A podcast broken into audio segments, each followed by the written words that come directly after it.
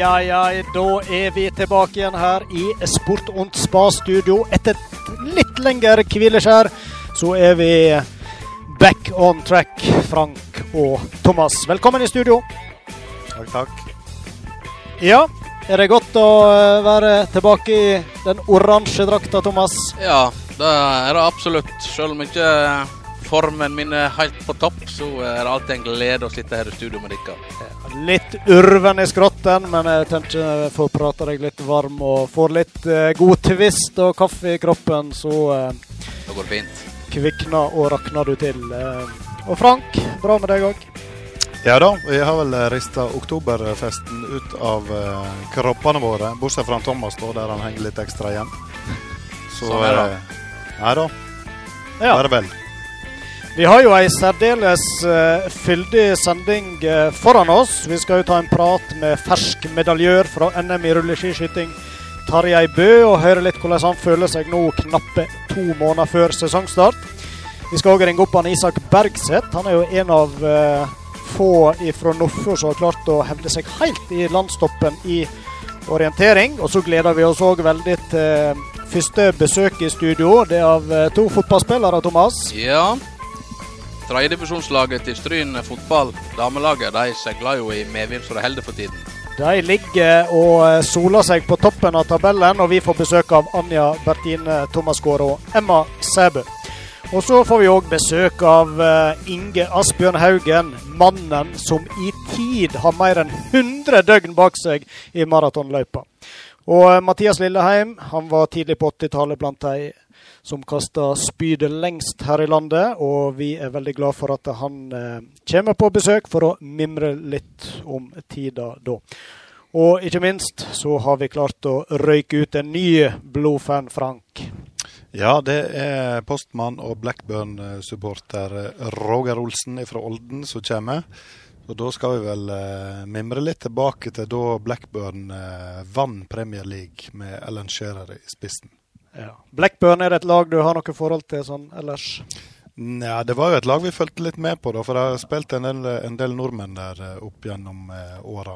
Eh, men ikke noe eh, annet enn at jeg eh, føler litt med han Petter Hammer eh, for at Blackburn ikke gjør det så skarpt om dagen. Da. Han òg er Blackburn-supporter. Ellers, Frank, så forsto jeg at uh, du brann inne med noe. Det ble jo ikke sending for 14 dager siden, og så uh, hadde du et eller annet på hjertet da, så du gjerne ville frambringe nå, stemmer ikke det? Jo, det er helt rett. Og for 14 dager siden, da vi som sagt ikke hadde sending, da hadde jo vi både Skarsteinsetra opp og, eh, og kommunevalget i frist i minne. Ja, det stemmer. Eh, Så selv om timinga ikke er den beste nå, da, så hadde jeg skrevet en liten sak om, eh, om de to tinga. For det første så var det veldig stas å bli spesialinvitert av han André Oppheim til Skarsteinsetra opp. Sjøl var jeg i Sogndal i fotballen sitt ærend den dagen og kunne ikke være med. Og han Thomas her, han fronta alle eller ingen-prinsippet, og ekskluderte dermed sin egen deltaking på elegant vis. Eh, jeg hadde sånn litt lyst til å være med, egentlig, men ser i ettertid at det ville vært ei katastrofe på høgde med Stryn sitt 0-5-tap på bortebane Ei- eh, mot Eid. Og hvorfor det, undrer du kanskje? Ja. Jau, det var fordi jeg så tida til han Roy Aron. 25 minutt og 3 sekunder. Og da tenker du, Thomas, kanskje at den tida ikke sier deg noen ting, men du har nok lest resultatlistene, du òg. Det har jeg. Roy Aron slo bl.a. topptrente unge lang langrennsløpere, og han var kun noen få sekunder bak en blodtrimma kar som han Oskar Guddal Breivik. Og han var dessuten et hav foran en erfaren mildsluker som Jan Egil Gjørven. Og hva i all verden er dette her, Roy Aron? Du nytter alle høve til å prate på deg noen ekstra kilo og snakke ned egen form. Jobber du beinhardt i kulissene her mot et sens sensasjonelt comeback i langrennssporet? Du skal slippe å svare. Du, skal slippe å svare. Ikke svar. Det er mer som en eh, Ja. monolog, dette. Ja. Vi lar det henge i lufta. Ja, ja. Uh, og, og spørsmålet jeg stiller meg, da er om du har brukt sommerferien til en eh, eneste lang treningsleir i enorm kontrast til hva dine medprogramledere har gjort på. Dette her er provoserende og det er unødvendig, og jeg vil at du skal slutte opp. Du setter medprogramlederne dine i en svært vanskelig situasjon med sånne prestasjoner som du gjorde på Skarsteinsetra opp. Det var det, og jeg håper du tar det til etterretning og legger på deg noen kilo igjen. Jeg skriver gjerne under den hvis jeg får lov. og så over til uh, valget. Um, ut på kvelden da det var kommunevalg, så uh, gikk jeg inn på fjordingen.no og fant der livesendinga som dere hadde her i Radio Stryn, der du, Thomas, uh, nei, du, Roy Aron, var stødig programleder med full kontroll på prosent av mandater, gjester og utegående reportere. Thomas, du var en sånn utegående reporter sjøl. Eh, der du bl.a. intervjua en skuffa Sven Flo, som eh, neppe får arrangere flere kakefester for Bø-brødrene. Det var et stødig og flott intervju der en molefunken Flo innså at ordførerkjedet nå skal tvinges ned i smykkeskrinet til Per Kjøllesdal. Sangen som kom på radioen etter dette intervjuet, hadde tittelen 'My City of Ruins'. Sendinga var seinere avslutta med DDE sin låt 'Det går likar nå'. Var dette her tilfeldige sangtitler? Nei, det tror ikke jeg. Eh, var det en skjult agenda bak det? Nei, det tror jeg heller ikke, men det var god humor. Jeg så sjøl på siste del av sendinga, som sagt, og jeg ble irritert og forbanna. Det var rett og slett glimrende radio, med et tema jeg trodde skulle lokke dere ut på svært tynn is. Men isen syntes seg så tjukk og solid at den hadde tålt en godt voksen blåkval. Så kjære medprogramledere Roy, Aron og Thomas, slutt opp med å være så forbaska flinke til alt mulig. Nei, jøss. Dette var jo flotte ord, Frank. Selv om det var eh, framført i litt sånn uh, furten stil, så tar vi vel disse til oss. Uh, skal få en klem etterpå, du. Ja, det skal du Bamseklem. Men det var nok om oss, for eh, nå får jeg beskjed fra vår eminente tekniker Ove André Årskog at vi har med oss en eh, kar på tråden som vi har gleda oss til å prate med og høre ifra. For vi starta friskt i lokalsportrunden i dag. Med oss på telefon, der har vi en av de største idrettsutøverne vi kan skilte med, Røystryn. Tarjei Bø. Veldig kjekt at du setter av litt tid til sport og spas. ja, hallo. Det er bare kjekt veldig kjekt. å jeg har fått med meg eh, det fantastiske radioprogrammet. Men uh, nå får jeg endelig delta. Ja. det er klart du skal få være med, Tarjei. Det skulle bare mangle. Eh, blir det forresten litt tid eh, spas, altså mor òg? Ikke, ikke, bare sport for deg, selv om du er nå midt i oppkjøringa? Ja, ikke så mye spas som nå akkurat. Jeg skulle gjerne vært på oktoberfesten, men det, det, hadde vi ikke mulighet til. Vi var jo oppe på oppe i Steinkjer og gikk eh, NM i rulleskiskyting. Så ikke så veldig masse utenomsportslig nå, egentlig. Det er mer på vårparten. Da har du litt mer ferie og litt mer tid til å gjøre andre krumspring. Ja. Oktoberfesten, ja, har du fått med deg den noensinne? Nei, jeg har ikke det, faktisk. Det er noe helt, jeg er en av få stillinger som aldri har, eh, aldri har gjort det. Så jeg har eh, bevisst holdt meg unna. det, det, det, er vel et uh, Vi får vel være ærlige på det er et veldig feil tidspunkt for deg, den kommer. ja, det er jo egentlig tidspunktet det er det verste. Selv om innholdet er jo uh, som, så som som sportsfest. Så, så er det vel tidspunktet. Det skulle vært lagt på våren i stedet. for min del. ja. Men det må nå være mulig å legge inn en liten lyskestrekk ut i september? vel? ja, det er muligheter for det. Det er absolutt store muligheter. Så er det nå på tampen av uh, karrieren, så må jeg legge inn litt uh, småskader utover, utover høsten. Men uh, når vi er inne på oppkjøringa, så uh, må jeg si at det treningsarbeidet det ser nå veldig lovende ut. Det ble som sagt sølv og bronse i helgas NM i rulleskiskyting, og gratulerer med det. Jo, takk. Tusen takk. Det har gått veldig bra nå, egentlig. Lenge på de sommerkonkurransene vi har hatt, er nå litt referanse på hvordan vi står der uten at det viser alt. Så det er i alle fall Eh, ja, en grei status på at det eh, ser bra ut før sesongen. Nå er det et par måneder igjen, men eh, vi ligger bra an, både jeg og, og Johannes, tror jeg. Mm. Du uttalte jo til ei viss lokalavis at det du kanskje var mest fornøyd med, det var skytinga og stabiliteten?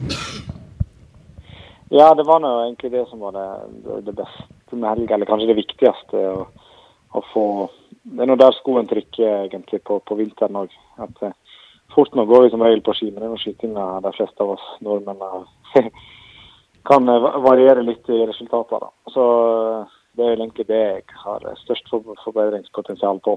Så da håper jeg å kunne bli litt mer stabil til vinteren. Så da var det gode svar i helga iallfall. Mm.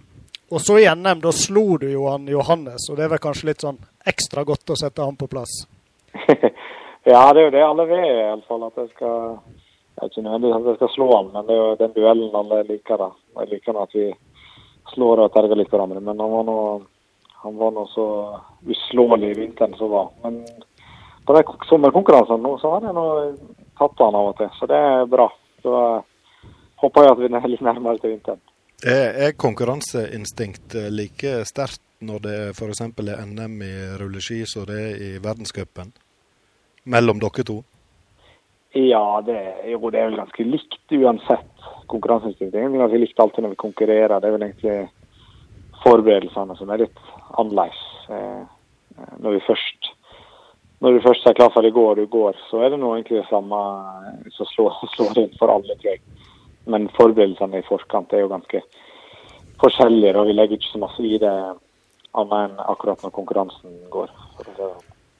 Men hvordan er det med nå, På vinterstid da er det jo skismøring, ikke sant? Men rulleski da er det vel eh, ikke så mye å gjøre, er det da? Oljen, kanskje? Oljen?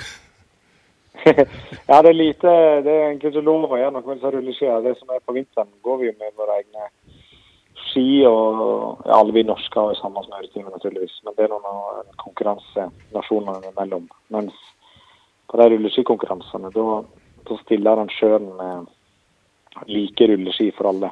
Eh, det er samme produsent og samme rullemotstand, som vi kaller det. Sånn at skia ja, I teorien er det, ja, men det er, det er jo egentlig det i praksis òg. Jeg tror nok lite som skiller. Vi skal det, være helt like. Vi har ikke personlige rulleski, altså? Nei, vi har ikke det. Og, men det tror jeg handler mest om egentlig at eh, det hadde blitt farlig hvis du skulle lage de rulleskiene så raske som det var mulig. Så hadde det gått for fort, rett og slett. er det sånn, Tari, Tarjei, at hvis du har en liten oljeskvett på deg, så kan du bli tatt i doping? Jeg tror vi kan bli tatt for det, men det er vel en eh, mer på fair play. Og så deler de jo ut skia bare eh, like før start, sånn at det begrenser hvor mange luringer som kan eh, jukse til seg noen fordeler der. men uh, ut fra det du forteller, Tarjei, så uh, er både du og bror Johannes uh, godt i rute, og dere er friske og raske? Ja, jeg tror nå egentlig det har vært en bra oppkjøring for oss, for oss begge. Johannes prøver å gjøre litt som han gjorde i fjor, med å, holde seg litt, litt, i bakkant på sommeren. Han, han gifta seg i år, men han, han, prøver litt samme oppskrift som i fjor. eh, vi andre er ugifte, vi gjør det samme som i fjor. Så, så, så, så, håper at det blir, eh, blir bra. men, men, du, hvordan er det å, å ha en veslebror? Så, han skal nå være først i alt. Det er liksom ikke bare i løypa, men nå var han først ute som sier, med giftermål, og han skal snart bli pappa. Er det litt sånn stressende å ha en sånn veslebror som alltid skal være først på alt? Nei, egentlig, egentlig ikke. Jeg tenker egentlig ikke at han er typen som skal være først på alt. Men nå er jeg fra en familie der eh, det er veldig rart, men alle har gifta seg når de har vært 25 år eh, alle unntatt jeg, da. Både mamma og pappa gjorde det, og både Rasmus, Martin og, og Johannes. Så det er nok jeg som er det sorte får her i, i familien. Så uh, han følger vel heller deg mer enn han følger meg akkurat det der. det, går, uh, det går stygt mot å bli sånn uh, Pepper-Sven, er ikke det det heter når du er 30 år og ugift? Ja, det er nok sånn greie. Jeg ble 30 i fjor. Oh, ja, du, ja, det ble det. Jeg fikk ikke noe spesielle sånne eh, spesielle greier der. Nei, det var ikke, var ikke noe spesielt som dukka opp, da, dessverre. Nei, kanskje, kanskje, like greit. Kanskje like greit. Men eh, opplegget nå da framover. Jeg eh, mener jeg las en plass at du skal eh, ned og trene litt eh, i VM-løypene, eller i området der nede VM etter vinteren.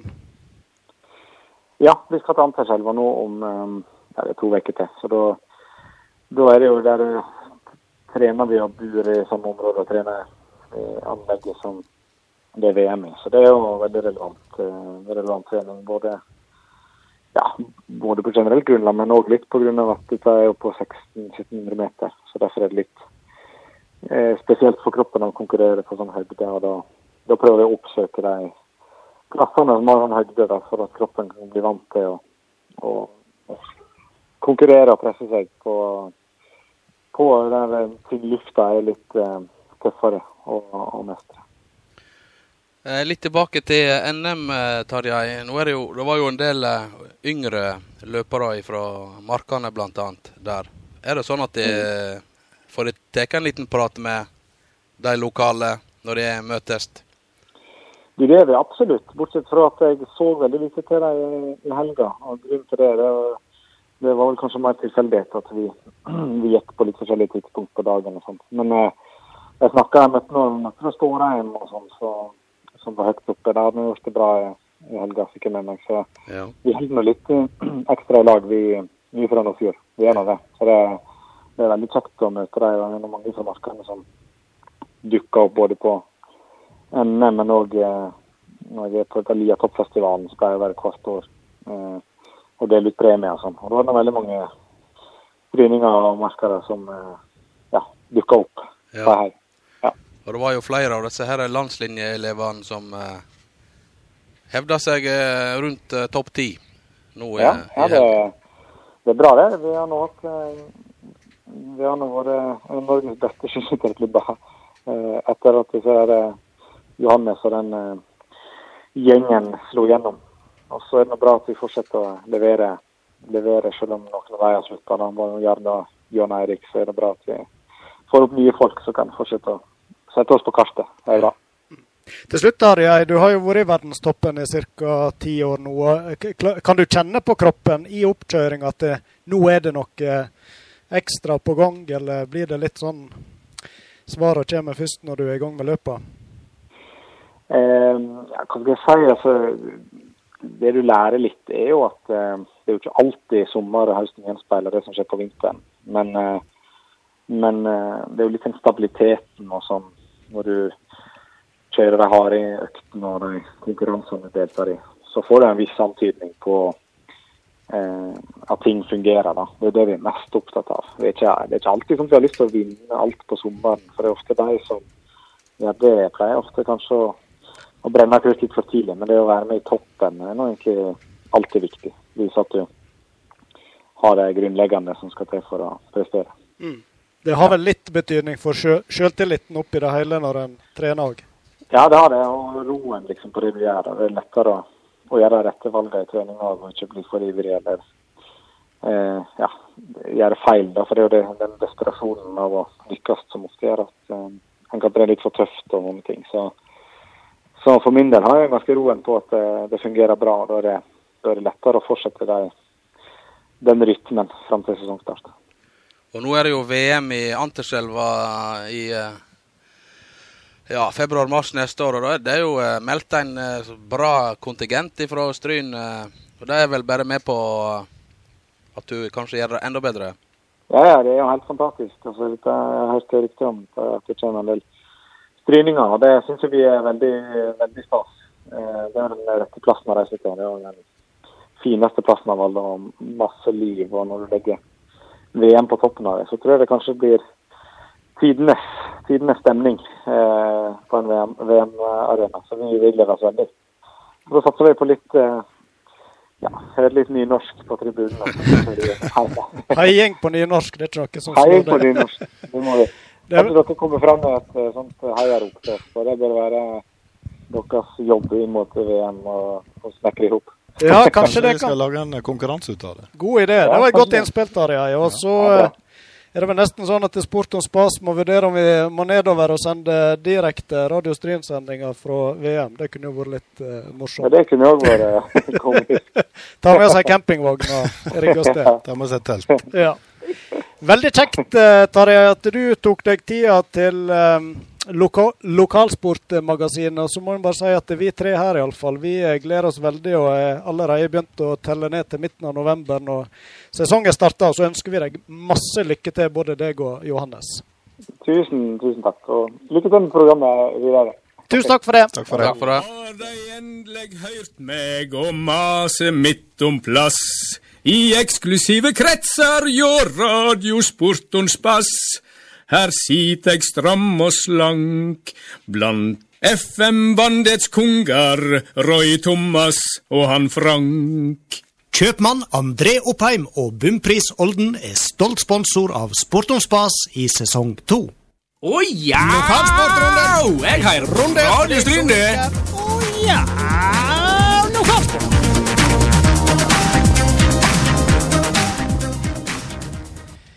vi eh, fortsetter vi med litt mer eh, lokalsport. Det har jo skjedd eh, forskjellig denne helga òg. Og så kan vi jo bare i fortsettelsen av intervjuet med han Tarjei og NM i rulleskiskyting nevne at vi hadde flere lokale utøvere i sving som gjorde det veldig bra.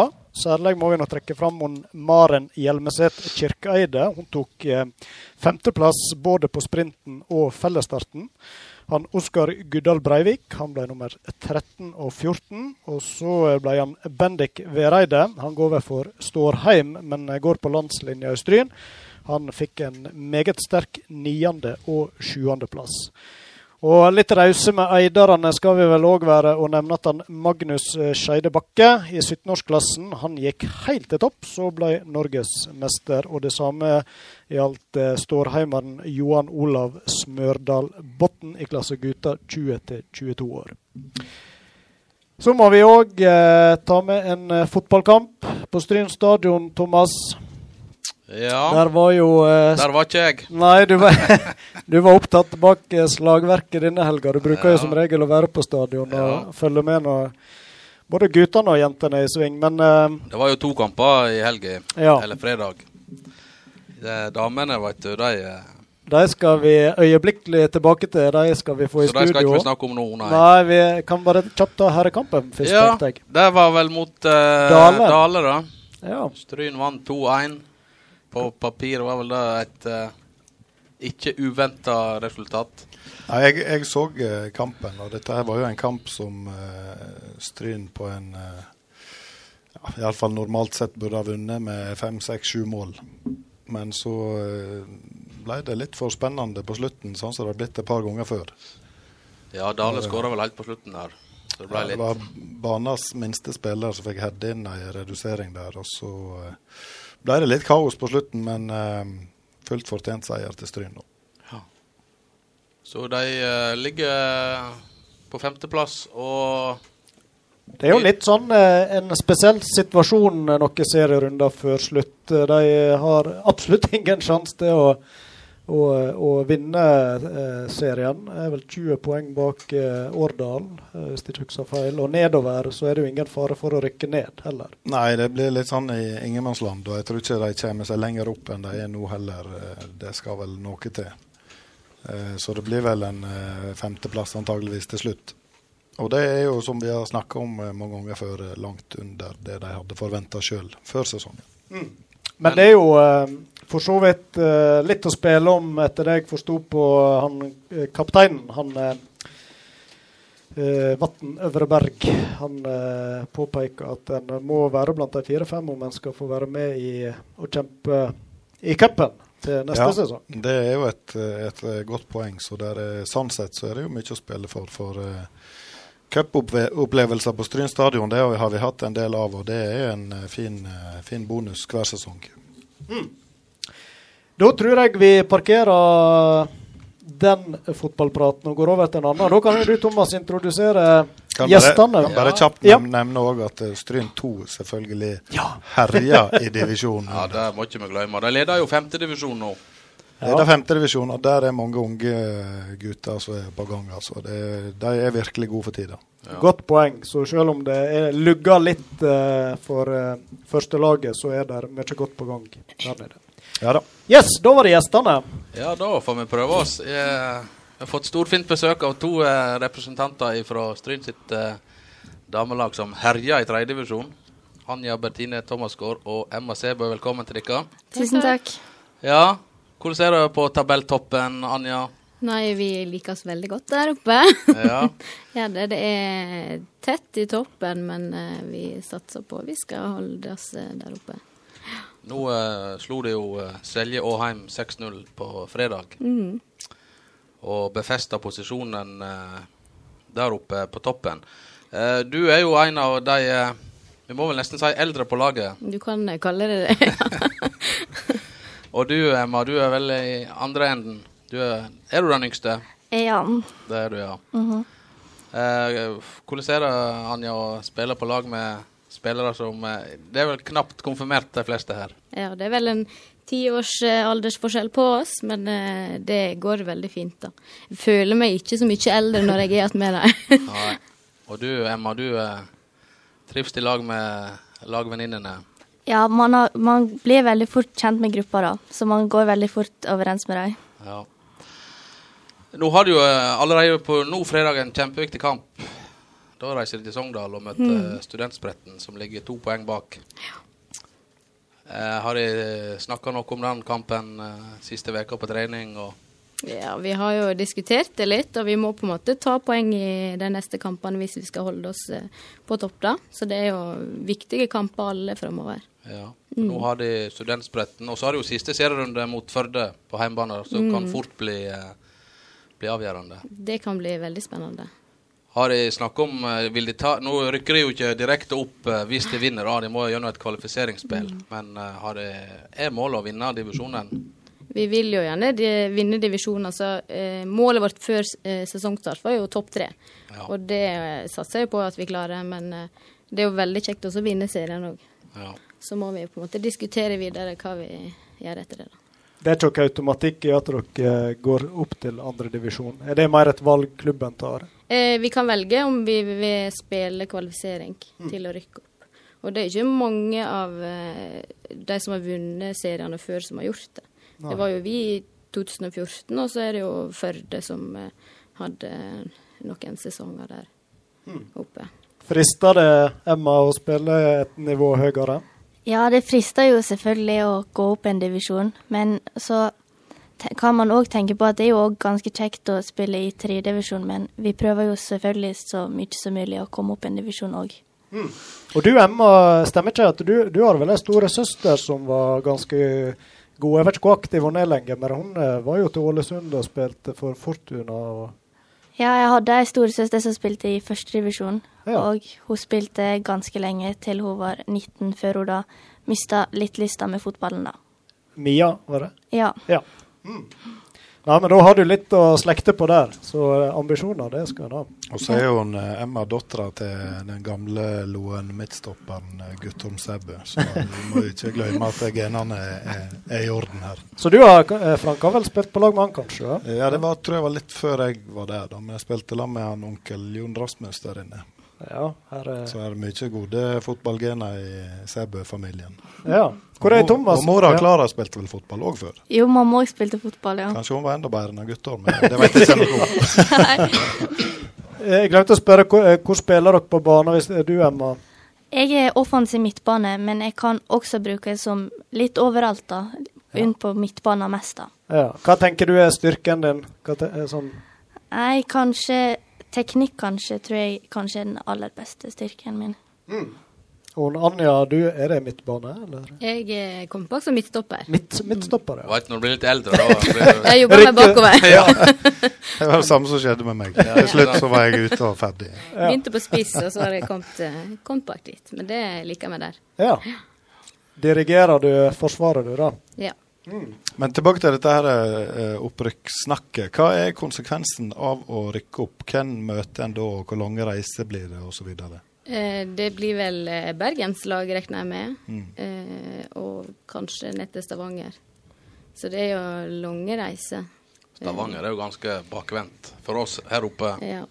Men er det det som blir avgjørende, da gjerne når en skal ta valget om en vil inn i kvalifisering, hvis dere kommer i den posisjonen, så er det dette med reiseøkonomi som egentlig bestemmer det? ja, det regner jeg nesten med. Tid og reising Ja. og sånn. Jeg regner med det blir en diskusjon i spillergruppa òg, hvor mange som eventuelt blir med på et, et sånt løp. For Ja. det, det endrer jo hverdagen til spillerne ganske kraftig. Mm. Og trenerne, selvfølgelig. Og du som er 25 år, ja, så er vel du sikkert i jobb eller student eh, Jeg jobber. Du jobber, ja. Hvordan, det går greit å kombinere med det? Det går eh, fint hittil, det gjør det. Det er litt kveldsarbeid av og til, for nå jobber jeg som lærer. Ja. Eh, Så, men det går fint. ja. Og det å gå på Da går du fortsatt på ungdomsskolen, du, da? Ja, jeg går i tiende klasse. Ja. Og det, det er vel ingen problem å kombinere fotballen med skolegang? Nei, det er ikke så masse problemer med det. Nei. Fordelen til Stryn er jo at fortsatt er jo flere spillere som eh, kommer til å gå på skole her i hvert fall to år til. da. Du har nå Olivia og Emma Njøten, ja. Marie og eh, Karoline. Karoline Flo. Så det er jo en del eh, spillere som blir her, og Anja blir jo i Stryn, selvsagt. Så eh, det, er, det ser veldig lovende ut for Stryn eh, på damesida. Var du med på den store kampen for eh, noen år siden? da Det var, var ikke mange som var på stadion. Jeg var det 1000? 700? 700? Eh, Ja, det var noe Eller målet var 700? Eller 600 og noe, tror jeg. Ja. Eller Ja, men da runder vi nå oppover. Ja. For da hadde de spilt en hel sesong uten poeng. Ja, det var bare tap. Bare tap, ja. Bare tap. Lange reiser. Vi var jo helt opp til Verdal, faktisk. Eh, Tapte der òg. Så var det siste kampen. Da møtte vi da Verdal på hjemmebane og vant vel 5-3. Jeg var og så kampen. Det var Ja, skikkelig moro. Ja, ja. Ja, da, eh, da var jo hele Stryn der og så Ja. kamp. Var ikke under Strynemessa? Sånn at det, jeg mener det var litt sånn eh, ekstra som foregikk rundt der. Og folk kom trakkende seigt. da fikk jo både tobeinte og firbeinte fikk jo billett. Jeg tror det meste ble talt med som publikum den dagen, men det, det var iallfall god stemning. Og, men eh, hvordan var det å reise til Verdal og, og reise hjem igjen med, med nok et tap, da, sånn som det var da? Er det, frister det å inn igjen i en sånn tilværelse, kanskje, med tøffere motstand? Altså, jeg vet jo på en måte at det er ganske stort eh, hopp fra tredje divisjon til andre divisjon. Nå var vi oppe i Trøndelag, da, så det blir jo litt annerledes nå. Men det er jo fortsatt tøft i, i, med bergenslagene rundt om der. Eh, men humøret vårt var jo på en måte alltid på topp, og vi hadde det jo kjempekjekt på turene opp og ned og rundt og sånn. Så det var jo god stemning, egentlig. Selv om vi tapte ganske mye. Ja. Så overraskende god stemning likevel. Jeg vet ikke om, om Kaupanger ligger an til å rykke ned fra første divisjon. Ja, Jeg er litt usikker på hvor de ligger Ja, nå, det men det var vel eh, fare for det periode, i hvert Ja, det ligger ganske langt nede. Så. Kunne, kan en iallfall få én kamp som er litt nærmere, da. Ja. Ja. Og så fikk dere ny trener i fjor, han eh, Johan Sigurdsson. Er det litt sånn Sigurdsson-effekt på laget, eller? Det kan godt hende.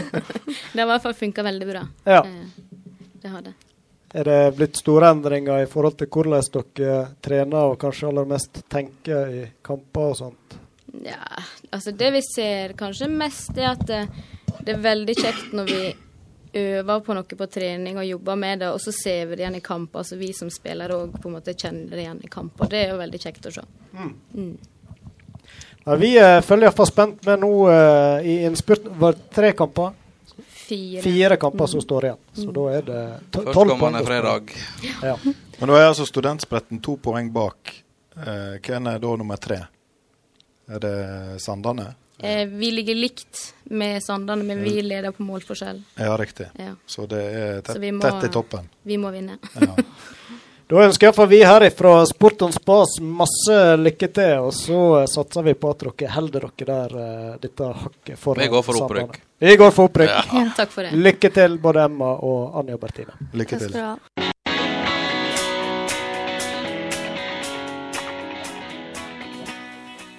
Da skal vi innom en sport som vi ikke prater om her i Sport og Spas, nemlig orientering. Og med oss på telefon har vi Isak Bergseth, håper jeg iallfall. God kveld.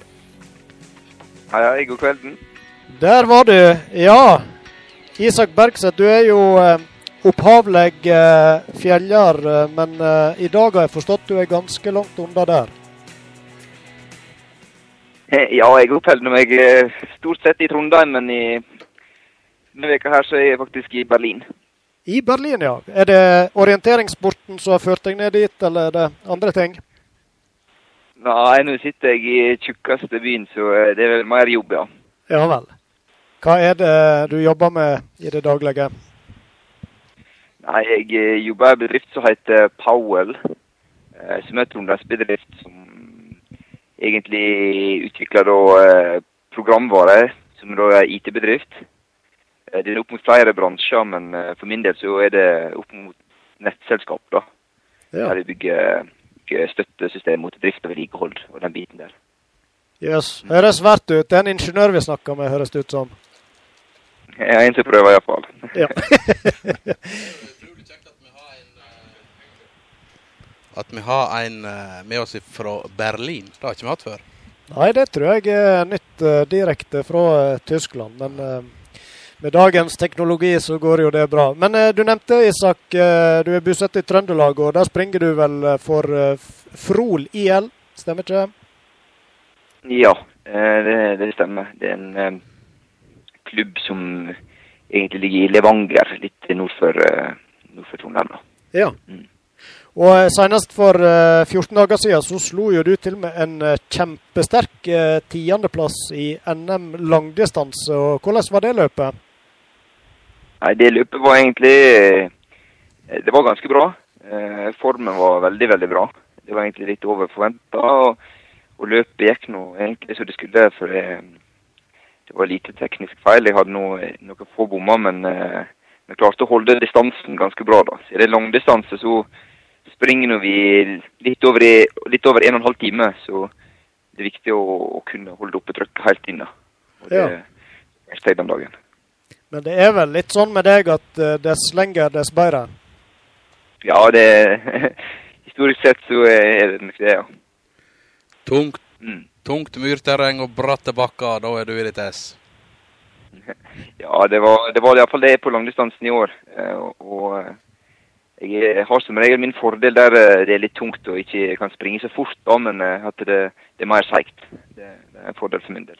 Det er i myrene vest for Sølvbergstølen du har lagt grunnlaget, da. Ja, vi vant med, med myra i, myra i oppoverbakka, så, så det er et godt grunnlag, det. det har det. Men resten av NM det gikk ikke eh, helt etter planen, forsto jeg. Nei, eller jeg eh, sprang dagen etterpå, da var det kvalifisering til mellomdistanse. og Jeg kvalifiserte meg til, til finalen der, men eh, jeg begynte å brygge på en sykdom allerede rett før langdistansen, og, og fikk skikkelig kjenne det etter hvert, så jeg måtte egentlig kaste inn håndkleet. Mm. Var det litt, litt skuffende når en tross alt hadde god form inne? Ja, ja, nei, det formen var veldig bra, så det var noe litt kjipt. og Jeg har nesten ikke vært eller jeg har ikke vært syk på ett år. Da er det litt surt at det kommer akkurat da. Det er typisk, da. Ja. Men eh, eh, kan du si litt om eh, nivået som er i orientering? Det er jo ikke en sport eh, altfor mange er kjent med. Er det, er det mange som driver med det på det nivået du gjør? Eh, Ja, jeg vil si at det er nå en del, eh, iallfall i de nordiske landene, da. Eh, Både Finland og Sverige og, og Norge stiller med, med en del. Eh, og, og nivået er nå Jeg vil si at det er nå ganske så høyt. Eh, sånn på mellomdistansen så pleier vi å stille rundt 130-150 på et NM-arrangement, så det, det er nå eh, bra. Og så på langdistansen eh, ca. opp mot 100, da. Eh, og eh, nivået er alltid vanskelig å, å beskrive, men, det, men eh, Norge har iallfall et eh, nivå som er på verdensbasis, da. Så vi har noen verdensmestere å springe mot. Så, så nivået eh, skal nå være høyt nok. Men, men du Isak, som, eh, som eh, er i norgestoppen. Hvordan er ei, ei treningsveke for din del? Hvor mye, hvor mye tid bruker du på idretten? Nei, det, jeg, jeg kanskje har litt, har litt rykte på meg og kanskje trene litt mer enn jeg, eh, jeg kanskje burde, da, for å komme i, i den For å på en måte øke det, det fysiske. Eh, men, eh, men for min del så ligger jeg kanskje på eh, i snitt sånn litt over 20 timer løping i veka da. Oi. Så da springer nå jeg springer som regel 10 km før jobb, og så er det som regel en tur, tur etter jobb òg, som er litt mer spesifikk. da. Kanskje være en lang tur eller intervall, eller mer sånn fellestreninger da, som vi kjører. Ja, jeg har til gode å springe til 10 km før jobb i hele mitt liv. Men eh, kanskje det er noe en bør begynne med. Ja, du blir hekta til slutt. Men hva, hva Ja, det kan hende, det. Hva, hva terreng springer du i, da? Eh, Springer Nei, du Ja. På vei til jobb så blir det hardt. Det blir asfalt som regel. Prøver å springe litt i grøfta, men eh, da blir det eh, som regel på asfalt eh, den økta før jobb, og så blir det forhåpentligvis i, ute i skogen på, på, eh, på ettermiddag kvelden. da. Slipper kart og, Det- slipper kart og kompass da før jobb. Ja, nei, da, da sparer jeg den. Da er det bare å, å liffe av gårde. Skulle kanskje skifte jobb veldig ofte, du. Sånn at du må slite litt for å finne fram. Ja, nå er han jo i Berlin, så ja. Men du trener jo så mye at det, hø det høres ut så du har ambisjoner, eh, virkelige ambisjoner om å ta, ta enda større steg i, i, i orientering. Ja, selvfølgelig så ønsker jeg. Han blir så god som en, en, eh, en kan bli, da. Men, eh, men det, mye av det som driver meg, er faktisk miljøet. Og det, jeg ser at det, det er artig å trene. Det er artig å, å være en, en stor gjeng som trener i lag. Og det miljøet skaper egentlig kanskje eh, like artig å, å, å trene som å bli god, da, for å si det sånn. Og, og det gir, eh, gir mye tilbake igjen. Mm. Det samme òg. Jeg sitter nå dønn rolig på, på jobb. Jeg sitter nå på en stol og, eh, og mye foran dataen, og da er det godt å få bevege seg litt òg. Mm. Det er det. Og du syns det går greit å kombinere idretten med jobb, selv om du trener såpass mye som du gjør? Ja da, det, det, det går veldig bra. Ja. Det, det Ja. Man bør være flinke på flinke på å slappe av når jobber òg. og Jobb er restitusjon, det, for deg. ja, en ja, jeg må iallfall tenke over det da, når en er på jobb. At en må huske å hive i seg litt mat og sånn mellom treningene òg, så, så blir en pigg igjen. Men nå, Isak, nå er du midt i 20-åra ca., og- men eh, en orienteringsløper kan vel holde deg gående ganske lenge? Ja, det er faktisk øh, øh, Hvis en ser på statistikken, så er det rundt 30 år Rundt eh, når en er 30 år en er, best. da. Det er der de fleste har tatt gullmedaljer i VM og sånn. Eh, så det er nå egentlig fra jeg skal si fra 25 til rundt sånn 34 er kanskje gullalderen for, for O-løpere, da. Da har jo du akkurat starta på den. Ja, vi får satse på det. Hvordan hadde det vært å tatt steg opp på øverste trinnet på pallen i et VM? Eh, Nei, det, det er på en måte ikke noe jeg, jeg ser for meg nå, men, eh, men eh, jeg du prøve å gjøre så godt jeg kan i nasjonalt iallfall. Så får vi se om det, det kan komme muligheter for representasjon òg. Så eh, jeg må bare gjøre så godt jeg kan, så får vi se hvor, hvor det bærer hen. Ja, for du har vært innom landslag, har ikke du det? Jo, jeg har, jeg har sprunget noe som heter Euromeeting. Det, det er nå et sånt en, eh, eh, egentlig et årlig arrangement som, som en cup mot, eh, mot europeiske landene. da. Eh, så jeg har sprang for, eh, for Norge ble tatt ut i det etter et uttaksløp på, i, i forfjor. Så det, var, det var kult. Det var en god erfaring å, å ha med seg. Ja, som inspirerer for litt videre springing òg. Men nå er jo sesongen på hell, regner jeg med. Men er det noen flere litt sånn større løp denne sesongen? Ja, du har, vi har NM-natt, NM-natt er i midten av oktober, og, der gjorde jeg det virkelig godt i fjor. På en, det kom på femteplass i fjor. Eh, så det er noe, noe jeg, eh, jeg liker veldig godt å springe på natta, for det blir litt eh, mer teknisk. Eh, Men det er lov å bruke lykt, regner jeg med. ja, vi bruker nesten bil. Ja. Det utvikler seg så mye av lykten at det, det blir nesten som på dag. Men likevel så, så blir det en egen sjarm å springe ut på natta. ja. Det trives du med? Ja, ja, ja. Det er tøft. Ja, Men da, Isak, da eh, ønsker vi deg eh, masse lykke til. Når sa du det NM var? ja, det er midt i oktober. Det er 17. oktober. Ja. Så da har du tre uker å legge grunnlaget og lade opp? ja, det blir vel det. Det blir bra. Ja. Nei, men da, Isak, da må du ha et eh, flott opphold videre i Berlin. Og så ønsker vi deg masse lykke til med natt-NM eh, når eh, den tid kommer. Ja, takk for det.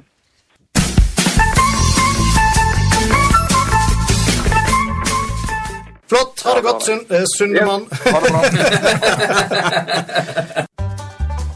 Jeg veit ikke fram eller bak på en ball, men sport og spas, da har jeg sansen for.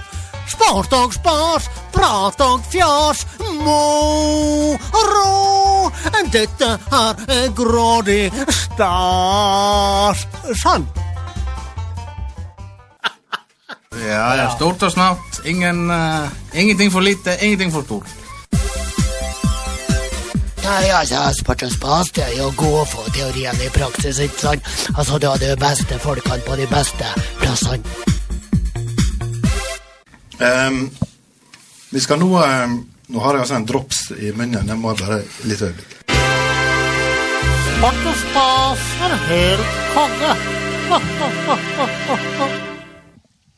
Da har vi fått besøk av en annen eh, konge, må vi kunne si, her i studio. Inge Asbjørn Haugen, velkommen til deg. Takk skal du ha.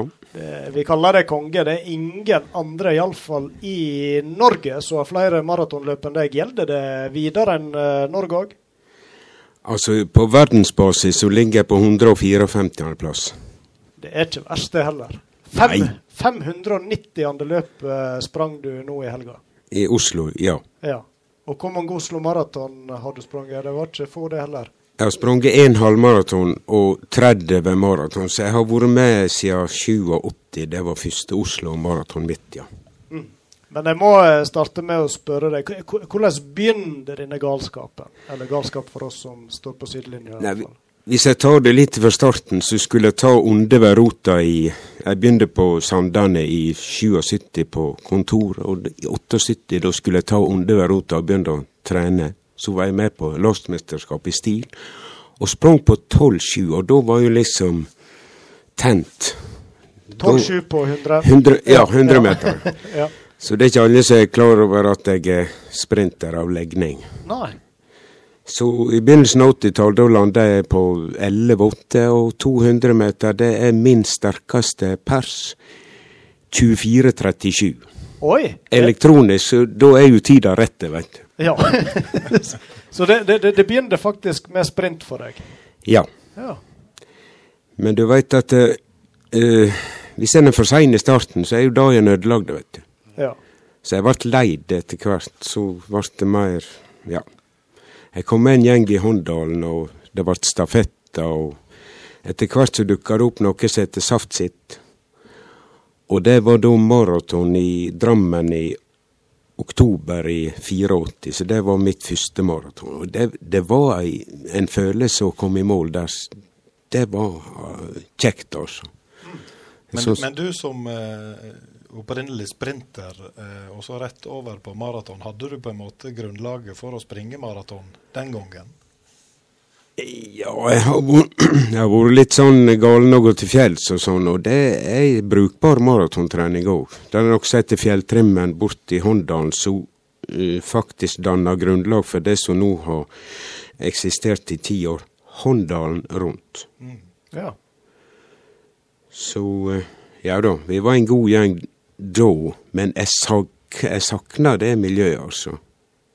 Men betyr det, eh, det betyr at du, du var flittig å trene i oppveksten og eh, Nei. før du Å nei.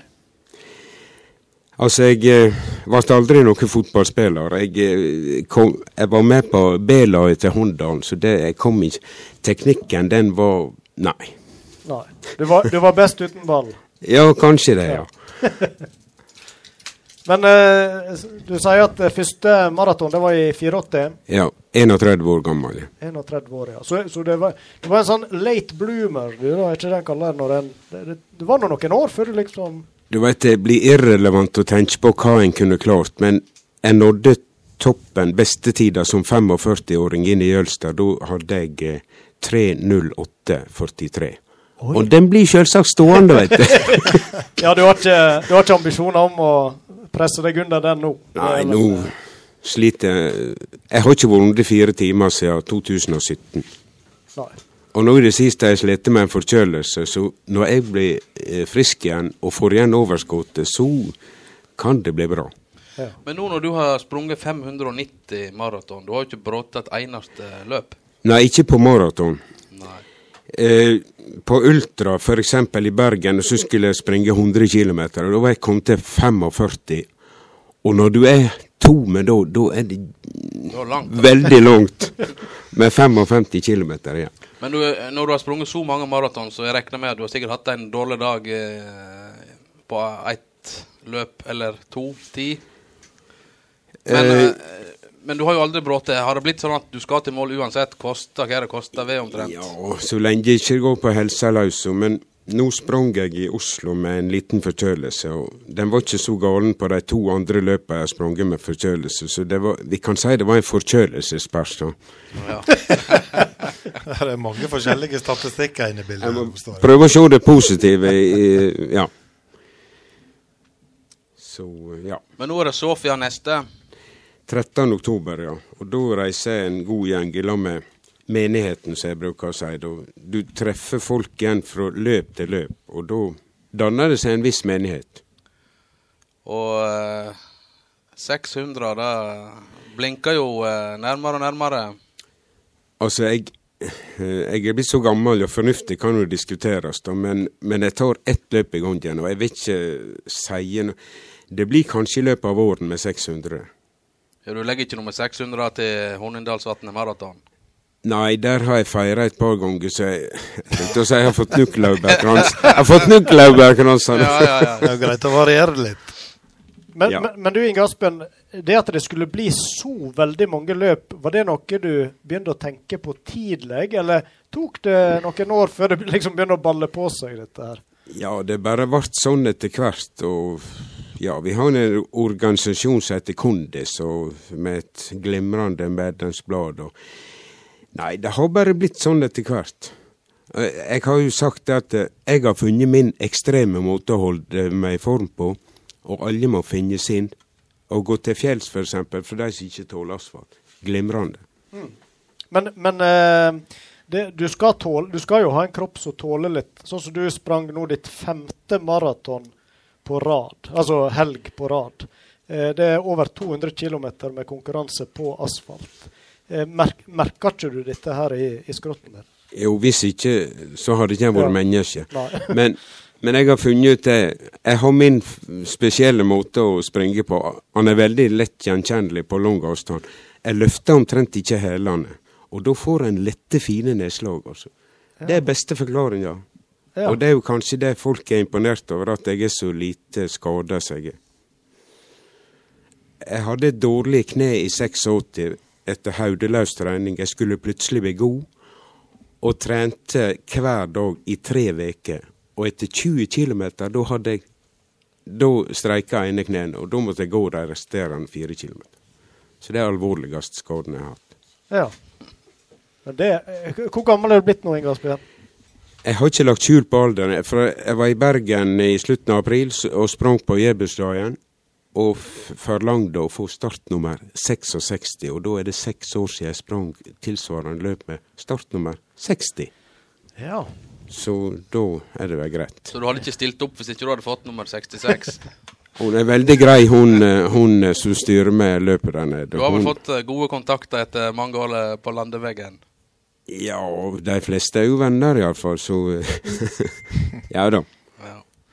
Men, men hva er det som er optimale forhold for deg, eh, maraton? Det er vel neppe 30 grader og sol, sånn som det var inne i Håndalen. Var det i fjor, eller var det i år? Det var veldig greit at du uh, spør om, for at jeg eh, Jeg skal ikke skryte av mine 590, men det i Håndalen og så i fjor Samuel.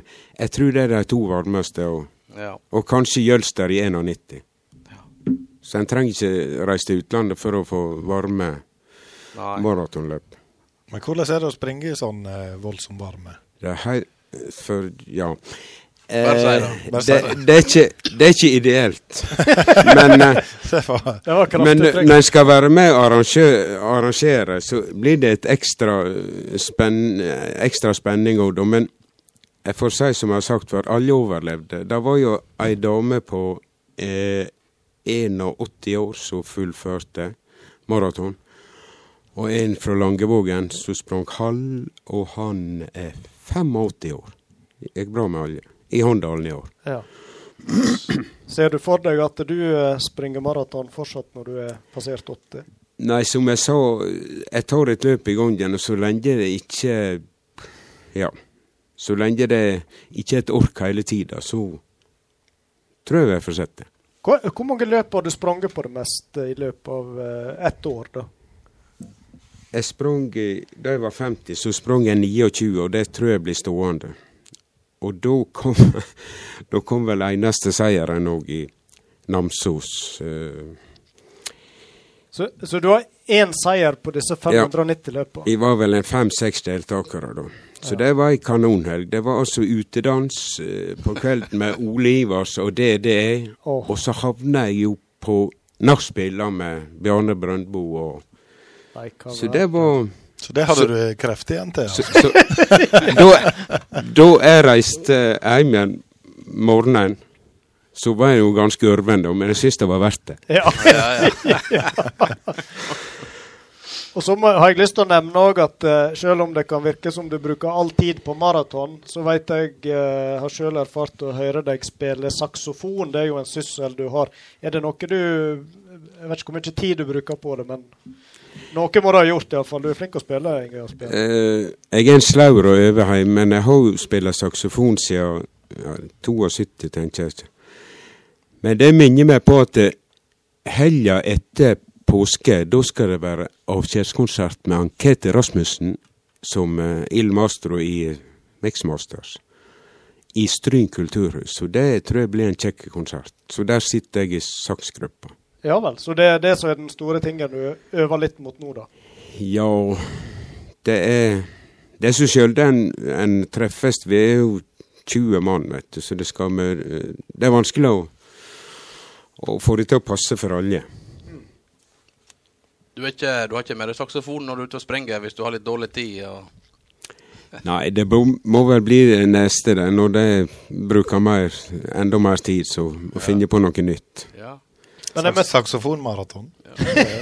Ja. Det kan jo være noe. Det er mange forskjellige artige maraton i verden. Vi har jo et vinmaraton nede i oh, Frankrike, men nå har jeg glemt. Navn, det, det sitter ikke så Det er litt vanskeligere med navn nå. Men, men er det drikkestasjoner med vin, da? eller? Ja, jeg tror det. Yes. Jeg har ikke, oh, nei, du. jeg har ikke vært med. Men jeg, et år, men jeg, har, jeg har folk i slekta som har vært med. Ja. Ja. Kanskje vi skal legge ei sending dit? ja, det spørs det. Men nå, eh, Thomas nevnte jo at du skal nedover til Bulgaria. Du reiser litt i utlandet òg og, og, og deltar på løp. I småskolen, småskoler, eller på skoler, så lærte vi om fem verdensdeler, så jeg har vært i de fem. Ja vel. Australia, da var jo han eh, oppegående han Skrivervik i 2001. VM for veteraner, og da var det også maraton en av ja. distansene. Ja. Og Israel, der eh, Nei, jeg mener i Asia har jeg vært så vidt. Israel.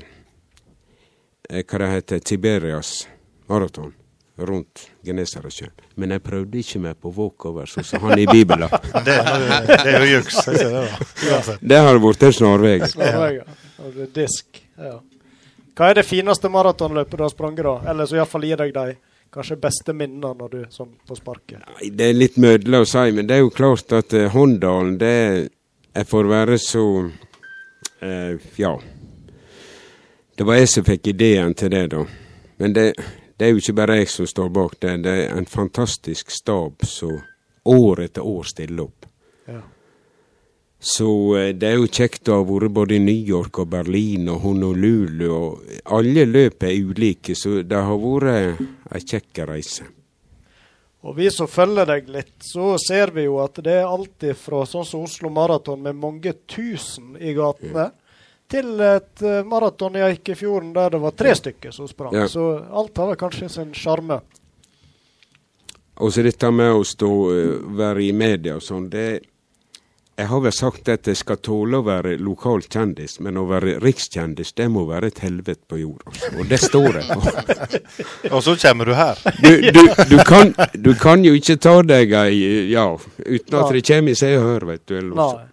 Som et eksempel. Fjordingen er ikke overalt. Du får være, du får være glad for det. Ja, ja. Men uh, det fæleste maratonet du har gjennomført, da?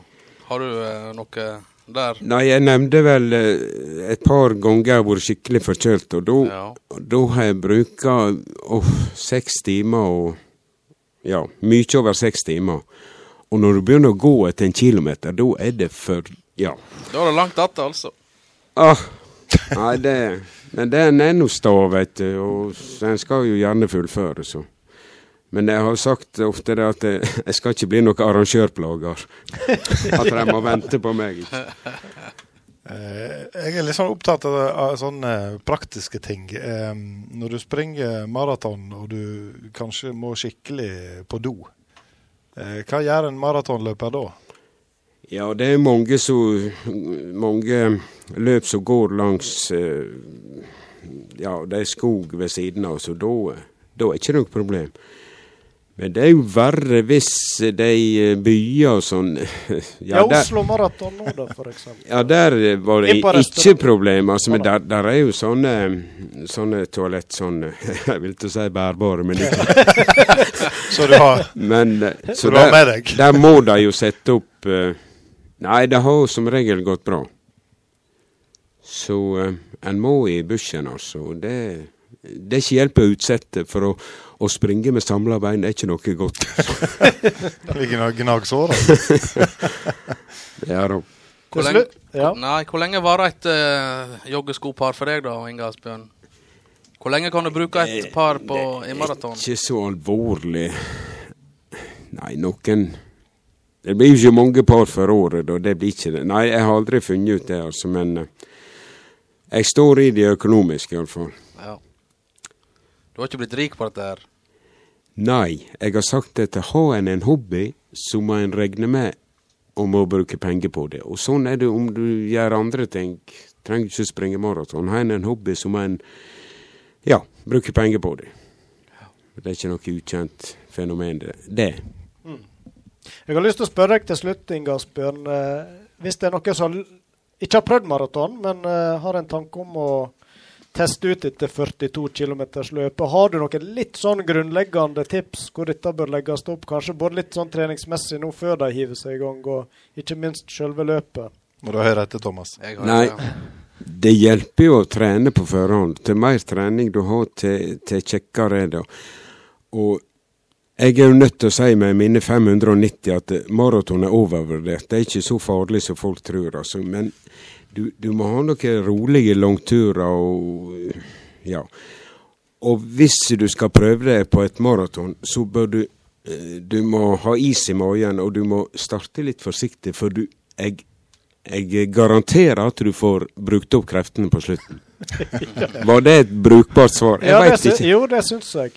Og så er det lurt å ha litt eh, trening på asfalt, eller bør en spare det til løpet? Jeg tenker Det er jo ekstra belastning å drive og springe på den asfalten. Ja, det kan jo være en fordel. Og så er det vel et uttrykk som heter å lytte til kroppen, eller noe sånt. Men ja, en må prøve seg fram. Og, og hvis en blir skada, så er det va vanskelig. Når kan du begynne å trene igjen? Men dette kjenner det flere til som har vært småskada.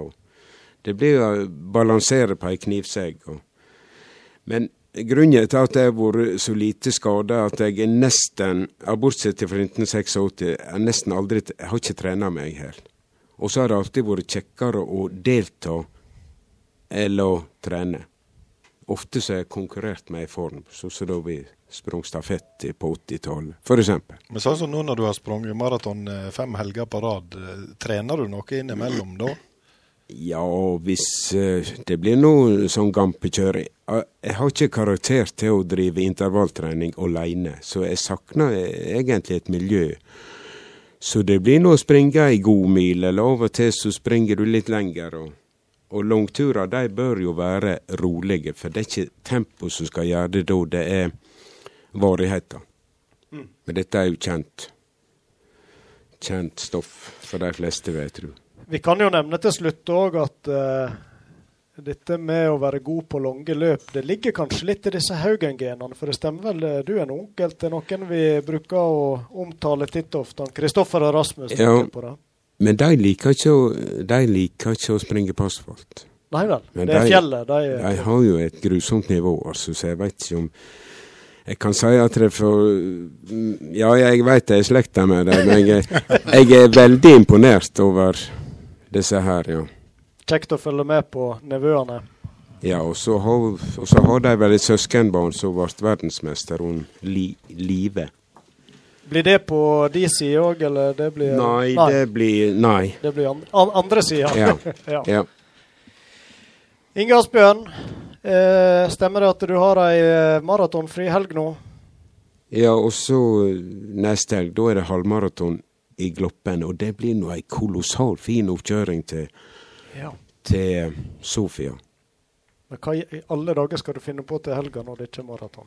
Nå med Nei, det er Rotevatnet rundt på Å ja, så og så er det avslutning på Nordfjordkarusellen på søndag, og der er jeg da statistikkfører. og jeg har litt med media å gjøre. Skal du springe òg på søndag? Ja. Ja. Det, blir, det blir nesten en maraton til sammen likevel Du, helga, du veit en seks-sju kilometer, det er jo ja. kvalitetstrening. Det er for oss maratonløpere. Det er som spurt å regne for deg, det. Det var dine ord. Ja. Sprint. Veldig kjekt, Inge Asbjørn, at du uh, tok turen her. Det setter vi stor pris på. Eh, takk for en hyggelig prat. Skal du få med deg ei Sport og Spas-T-skjorte, så setter vi noe pris på hvis du kanskje springer inn i en konkurranse en gang, eller etter konkurranse tar han på deg når alle avisene er på plass og tar bilder av deg. Vet du. Så, Jeg òg må takke for ei veldig trivelig stund her i Stryn nærradio, var ikke det det det heter? ja, Radio Stryn. ja. Sport og Spas. Veldig kjekt. ja. oppi grønna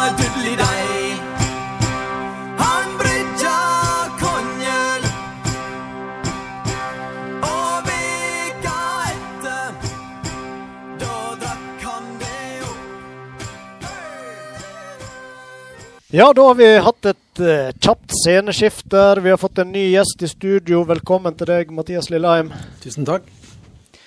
Og da, eh, som jingelen sier, så er det tilbake i eh, arkivet vi har lyst til å, eh, lyst å dykke litt, eller iallfall vasse, som vi sier. Og du var jo en som vi skrev ofte om i eh, lokalaviser, iallfall hvis vi går tilbake på 70-80-tallet. Og du var jo en eh, særdeles eh, dyktig hadde et kasttalent. Og jeg har lyst til at du forteller helt i starten om hvordan oppdaga du dette, at du kanskje hadde litt sånn ekstra draget på det med å, å kaste langt. da.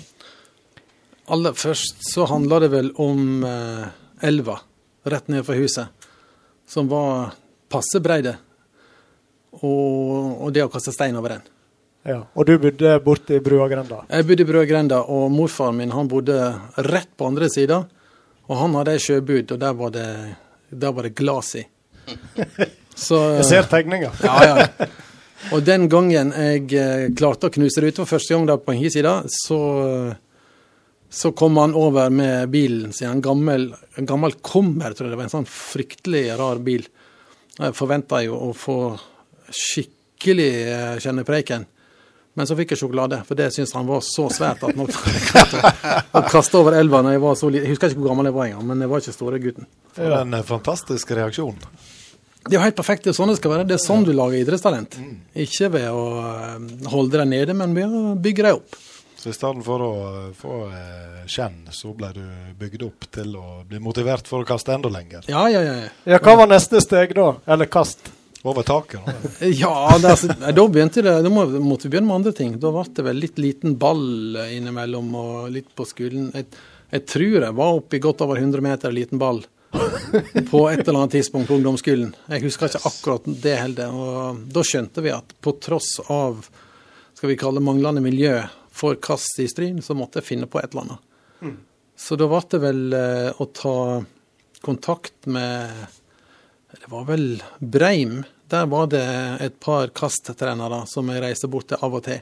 Hvor, hvor gammel var du da? Sa du det? Ehm, jeg begynte vel å få litt hjelp når jeg var 14-15, tror jeg. Og jeg var ikke storgutten heller. Jeg var jo bitte liten før det smalt. Sånn da jeg var 16, så begynte det, så begynte det å, å komme seg litt. Men jeg var jo minste gutten i klassen omtrent da jeg var konfirmert. Og eh, Det viser vel igjen hva teknikk har å si. Teknikk er ekstremt viktig. Det Det handler langt mer om teknikk enn styrke, og det gjør det fremdeles når du er voksen. Folk tror at spydkast handler om å ta i med, med armen. Men uh, den som tar i med armen, kaster kort. Det handler egentlig bare om å, å rulle ut kroppsdel for kroppsdel. Fra uh, helt ned i ankelen og ut til håndleddet. Og jo mer du tar i, jo kortere går det. Det handler egentlig bare om å slappe helt av. Det er som ei svepe som går. Piskesnert som ruller ut. Og de som kaster langt, de klarer å slappe av hele høyresida si og få den til å rulle godt. Ja. Men eh, som du sier, òg på den tida så måtte en over Utvikfjellet og til Gloppen for å få hjelp, de som ville bli gode i kast. Det er vel det som Mm. fortsatt gjelder, har jeg skjønt. Eh, Husker du hvem som eh, var mentoren din der og hjalp deg litt? Det er det som er litt flaut. Akkurat når jeg sitter her nå, så kommer jeg ikke på navnet hans. Men det som er helt klart, han, er, han har jo vært hva heter det for noe, prorektor eller et sånt på Høgskolen eh, i Sogndal oh, ja. i ei årrekke. Så det jo ordentlig flaut at jeg ikke husker navnet. Men eh, det får du unnskylde meg hvis du hører på. Da, da, da kommer jeg med et eh, råtips. Heggheim. Nei, det var ikke Heggheim. For han var vel noe prorektor nede i Sogndal. Han òg, ja. Det var mange bremninger som reiste ned der, med andre ord. Uh, nei, jeg kommer ikke på det.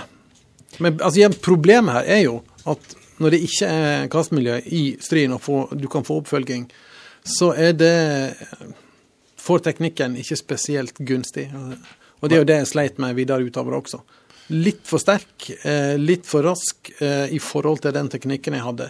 Og dermed så dukka det opp skade, og det var vel det som gjorde at jeg måtte gi meg ganske tidlig, selv om jeg kom litt tilbake når jeg var trener sjøl seinere. Så jeg var vel egentlig bare 21 da jeg måtte legge inn årene sånn alvorlig. Og det er vel da en gjerne først begynte virkelig å få taket på det. Sånn, Mm. ja. Det er det, altså. Så eh, da hadde jeg bikka 80 meter ut på Stryn stadion her. Og eh, så hadde jeg eh, på NM i Haugesund Jeg husker ikke godt, men det husker jeg ennå. Så hadde jeg vel eh, et kast som var ja, 85 rundt, tenker jeg. Og så var jeg så ivrig, for jeg så det gikk langt, at jeg bare sto og hoppa og kom bort til streken med tåspissen. Så da hadde jeg vunnet tror jeg hadde vunnet med sju meter med det NM-et. Hva, hva årstall så det var? Hvis jeg var 21, så kan vi da Da var det vel 1980, da. Ja. Men eh, litt eh, bare sånn eh, Ta litt imellom det du nevnte nå. Så etter du fikk litt hjelp på Breim, så mener jeg du har fortalt du havna på Hamar og fortsetter litt trening av karrieren der. Det stemmer. Ehm, jeg søkte Jeg er jo et rotehaud uten like, så jeg søkte på idrettshøyskolen, men eh, jeg søkte en måned for seint. Ja. Så da kom jeg seg inn, og så fant jeg ut OK, lærerskolen må sikkert være bra. Vi begynte der. Og så var det et kastmiljø på Hamar. En herremann som heter Leif Brattvoll, eh, som var kasttrener, spydkasttrener først og fremst, og hadde vel to-tre døtre som kasta spyd i, eh, i, i norgestoppen, spesielt hun ene, Hilde Brattvoll. Og eh, da var jeg der, tre år. Gikk på lærerskolen og kasta spyd, og gradvis kasta lenger og lenger. Og det var jo også der Egil Danielsen var, så han var jo innom innimellom og så på det Han var liksom det grommeste på den tida. Ja, altså han var jo ferdig med sin karriere da. Han, Ja, ja. han, eh, han vant jo OL i 56 i Melbourne. Nei, i OK. ja. Så han var nok Eh, var eh, nok på over høgdedraget da, ja. Ja. Men han var så på, og han hadde en sønn som begynte å kaste også, så eh, det var et ganske bra kastmiljø med mange kastere på litt ulikt nivå, som alle dro nytte av Mr. Brattvoll. Men eh, var du rett og slett litt sjølært fra tida i Stryn og drog med deg litt sånn unoter, du da? Ja, rett og slett. Eh, trente for, litt for mye styrke og litt for lite teknikk og det vi kaller dynamikk. Så jeg var ikke så eh, smooth, så det så fint, eh, som jeg burde vært. Og det i speed, så er, da jeg ligger du tintene ofte. Jeg er litt uheldig, jeg er litt kald og litt eh, et dårlig kast med litt for lav albu, så smeller det. Så jeg har et arr her og et arr på ryggen og litt i kneet, og jeg har operert litt her og der. Ja. Så det var, det var albuen som ble eh, utgangen din, eller? Ja, det var den som eh, var starten på det, men når den eh, røyk, så begynner det å kaste feil på andre måter. Så da fikk jeg problem med skulder og rygg også, så det var en sånn salig blanding. Ja. Men eh, eh, du var inne på at du kasta langt, men eh, litt sånn resultat. Du har jo eh, medaljer og skilte fra, fra NM. Ja, jeg har en del, det, men det var etterpå. I, når jeg var trener sjøl, så kasta jeg litt med dem også. Så jeg har eh, to eller tre sølvmedaljer i den eh, perioden der. um, jeg har ingen NM-gull. Det nærmeste jeg kom, var, var det, det overtråkket, helt på å si, som eh, skjedde i 1980. Og der er Eh, ingen bønn, selv om de så at dette Nei, hadde hadde du full kontroll på. Så. Ja, ja, nei, Der, men det, sånn skal det være. Regler er regler, så det, det er greit nok. Men eh, nei, jeg har vel sølv både for junior-NM og, og, og senior-NM, men ikke gull. Jeg ble vel eh, Coca-Cola-mester. Ja. Det er vel sånn for eh, NM for Ungdom, eller? ungdom 17- og 18-åringer. Ja. Men så nevnte du òg at du hadde et comeback en del år seinere. Ja. På slutten av 90-tallet. Jeg kasta jo og trente jo hele tida, gikk jo på idrettshøyskolen. Og så begynte jeg å jobbe med andre utøvere. Først for en klubb som heter Vidar i Oslo. Og etter hvert også for eh, ja, flere av de som, som skulle vise seg å bli ganske god i Norge. Reidar Lonsen er jo en, en av disse skikkelsene. Da han har en bror som heter og, og, og, Som er litt eldre enn han, som da var han var god både i kule og diskos og spyd på samme tid omtrent. Mens Reidar var ren spydkaster. Tidligere svømmer, ble spydkaster og hadde vel et beste resultat på gamle spydet på nesten 90 meter, jeg tror det var 87-80. Og kvala, inn til både VM og OL. og var, var det. Men igjen, det viktigste og det, den største utøveren jeg har trent, er vel uten tvil Trine Hattestad. Ja. Trine Solberg, som hun heter først, og Hattestad etterpå. Eh, var det i kraft av at du var tilsatt Du var jo nesten 30 år tilsatt i Olympiatoppen. Ja, dette var litt før det. Ah, ja. Så eh, når jeg ble fullt tidsansatt der, eh, med familie og sånne ting, så, så ble det litt for hektisk å begynne å reise videre. Så det var egentlig da jeg ga meg, etter det VM-gullet som vi fikk i Stuttgart i 1993. Ja. Så jeg trente Trine fra 85 til 93. ja. Så du, eh, du følte et sterkt eierskap til den uh, gullmedaljen? Ja, det, på en måte så gjorde jeg nok det. Altså, for vi jobba jo og streva ganske lenge for å komme over den der mesterskapskneika hennes. Hun var jo kjent for å vinne alle kvalifiseringer, og så bruke opp all energien, og så bli nummer eh, fire, fem eller seks dagen etterpå, når finalen var. Kamp. ja. Hva ble trikset? Knekte dere en kode? Vi knekte en kode i samarbeid med Leif Roar Falkum, tidligere høydehopper, som også da er psykiater.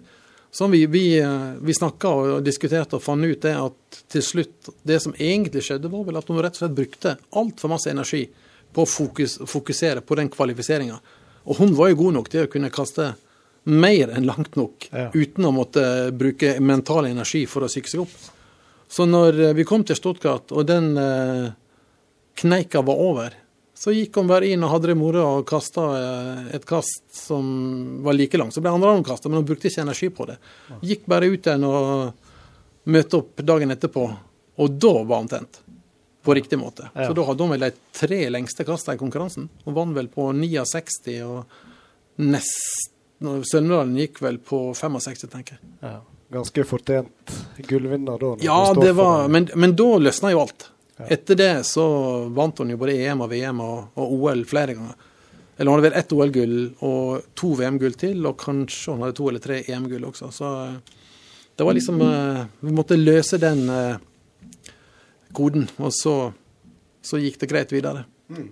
Og I tillegg til Trine Hattestad, så har du òg vært tett på disse langrennsdamene våre. Som har jo hevda seg godt i treningsarbeid. Ja, det var et godt stykke seinere. Så det var nå Ja. helt fram til jeg flytta tilbake igjen til Stryn. Men eh, ja, på et eller annet tidspunkt så så eh, hadde um, Jeg er så dårlig på navnet at det, det er helt flaut, men jeg jeg er så vant til det at jeg, jeg blir ikke flau lenger heller. Eh, vår kjære langrennsløper fra Finnmark på damesida, nå må dere hjelpe meg. Er vi langt tilbake i tid, eller? Nei, nei, nei. Nei. Kristin Stønner. Ja. Selvfølgelig. Ja. Hun sleit med et tretthetsbrudd i en hæl, og hun kunne ikke springe og, og gjøre så mange andre ting. Så da var det hun som ble pioneren i det arbeidet der. Da jobba vi med det vi kaller funksjonell styrketrening i, inn mot det å bli spesifikt bedre i, i de ulike teknikkene i langrenn. Masse stabiliseringskontroll og spesifikke øvelser. Først og fremst på stavtak. Eh, Etter hvert også litt for eh, skyv i både skøyting og, og klassisk med beina. Ja. Så det har vært veldig masse jobbing med overkropp og, og mage for å stabilisere, og de to heftige musklene som heter lats og triceps, som da er hovedmotorene i stavtaket. Og når eh, det gikk veldig greit med hånden i etterkant, så kom resten av laget året etterpå. Ja. Og da gikk de og slag i slag en sånn seks-sju år, der vi fikk jobbe helt ifra scratch med å bygge opp den stabiliseringskontrollen som de fleste jentene mangla. Og eh, til det ble ganske så heftig med, med alle sammen. Og så i tillegg så fikk vi da muligheten til å jobbe med spesifikke øvelser i alle retninger. Både for stavtak og gradvis også mer og mer mot klassisk og skøyteteknikk når det gjelder beinbruk. Men hun størmester Størmer Steira, som da var ei prøvekanin Mm. i dette tilfellet, eh, var det på en måte starten på, eh, på et treningsopplegg, et styrkeopplegg, som fortsatt er i bruk nå? Ja, ja, ja. Så dette her er noe som har blitt liksom videreutvikla, og, og de bruker fortsatt? Lilleheim-metoden. Ja, jeg, vi, jeg må jo være beskjeden nok til å kalle det olympiatoppmetoden. Ja. Men uh, i forhold til langrenn så har jeg nok en del, iallfall litt eierskap til de øvelsene vi utvikler der. For vår oppgave der er jo rett og slett å finne øvelser som både ei gruppe utøvere har behov for, altså innenfor en idrett, men også individuelle utøvere. Så vi må individualisere for å finne ut hvordan vi skal hjelpe hver enkelt utøver til å bli enda bedre. Dette lytter vi huske på neste gang det står en norsk løper på toppen. At det er en stryning som står bak dette her. En bitte liten prosent av det. Ja, ja, men 1 er nok for oss. Ja, vi, vi nevnte det kanskje ikke, men uh, du, var fagansvarlig innen fysisk trening på Olympiatoppen en lengre periode. I en periode så hadde jeg det ansvaret. ja. Og, og både før og etter så har jeg jobba mer som da eh, frittstående konsulent. Ansatt, vel å merke, men med utgangspunkt i å hjelpe ulike utøvere fra ulike idretter til å bli sterkere og spesifikt bedre i sine teknikker. For styrketrening Sånn som Mange tror det handler bare om å bli stor og sterk, og jo sterkere du blir, jo bedre går det. Og sånn er det absolutt ikke. Du er nødt til å utvikle styrke som du har behov for i din idrett. Og det viktigste styrketreninga handler om å bygge opp under de langrennsspesifikke teknikkene som det er avhengig av. Og, og da er det mage som er hovedstabilisatoren, for det er framre leddkjede som har ansvaret når du skal ta et stavtak. Og så er det det som jeg nevnte i stad, det er store muskler, lats og triceps, som beveger. Og i tillegg så er det da beinmuskulatur som, som skyver. Men vi må bygge opp en hel og stabil kropp, og så må vi passe på at de motorene som er viktige, at de blir trent riktig. Og dette er noe du har jobba videre med etter du flytta tilbake til Stryn for ca. to år siden. Mm. Ja. Har eh, noen timer hvert år for eh, landslinja i skiskyting. I samtidig så har jeg også tatt med meg de prinsippene som jeg brukte på idrettsutøvere, inn mot eh, andre grupper mennesker, som da er kanskje litt mer normale og vanlige. Alt ifra skoleungdom til yrkesaktive, altså bedriftstrening, til også å se litt mer på trening for eldre. Hvordan vi kan eh, trene for å forebygge aldersrelaterte problem av fysisk art. Få folk til å være hjemme lenger og komme på eventuelle sykehjem senere. Forlenge livet og livskvalitet og alt det der. Så det, det er sånne ting jeg jobber mest med nå. Ja. Så du er litt sånn frilanstrener, du, rett og slett? Leier deg ut Mm. her og der? og- Ja. Hvor du trives med det, da? Altså, jeg syns jo trening er viktig og, og inspirerende uansett. Og eh, den kompetansen jeg har, den kan jeg dra inn og, og tilpasse hver enkelt brukergruppe. Uten, jeg må selvfølgelig jobbe litt med det og tenke over og finne ut hvordan vi kan tilpasse treninga på best mulig måte. Men et godt eksempel er jo det som Nå har jeg hatt en ganske lang dag i dag. Jeg reiste vel til Førde sånn i, litt før klokka sju. Og så hadde jeg eh, en eh, lang dag med noe som heter Bygg opp. Som er De har ansvaret for lærlinger i bygg- og anleggsbransjen. Og der er det en god del eh, problem med eh, av fysisk art knytta til den jobben de har. Så de har en del ensidige belastninger. De har en del eh, eh, akutte skadeproblem som kan dukke opp, og de får spesielt da, mer sånn langsiktige belastningsskader pga. de arbeidsstillingene de har. Så da ble vi enige om Jeg møtte jo den gjengen på, oppe på Lysvoll når de hadde en sånn eh, seanse der med, for de ansatte. Da begynte vi å diskutere litt, og nå er vi i gang med et opplegg der målet er å skaffe lærlingene treningsmuligheter i, både i skolen, hvis det lar seg gjøre, men spesielt i de bedriftene de skal være lærlinger i, og forhåpentligvis bli ansatt i, i etterkant også. Og Da får de muligheten til å trene, hvis det blir sånn som vi ønsker, i arbeidstid, på plassen der er, med enkle virkemidler, men med effektive treningsmetoder som skal forebygge skade og, og passe på at de kan forhåpentligvis da være lenge i jobben sin uten å måtte omskoleres eller bli sykemeldt eller hva det måtte være. De minuttene bedriften investerer i litt trening og arbeidstida, de har de vel fort igjen for seinere. Jeg tror det bedrifter og bedriftsledere begynner å, skjønne og forstå hvilke konsekvenser dette faktisk kan ha, og hvor mye penger de kan spare. Og både i forhold til mindre sykefravær, men også i forhold til eh, at arbeidseffektiviteten øker. Når trivselen øker, og trivsel og trening det henger nøye sammen, så, så skjer det et eller annet i, med de ansatte også.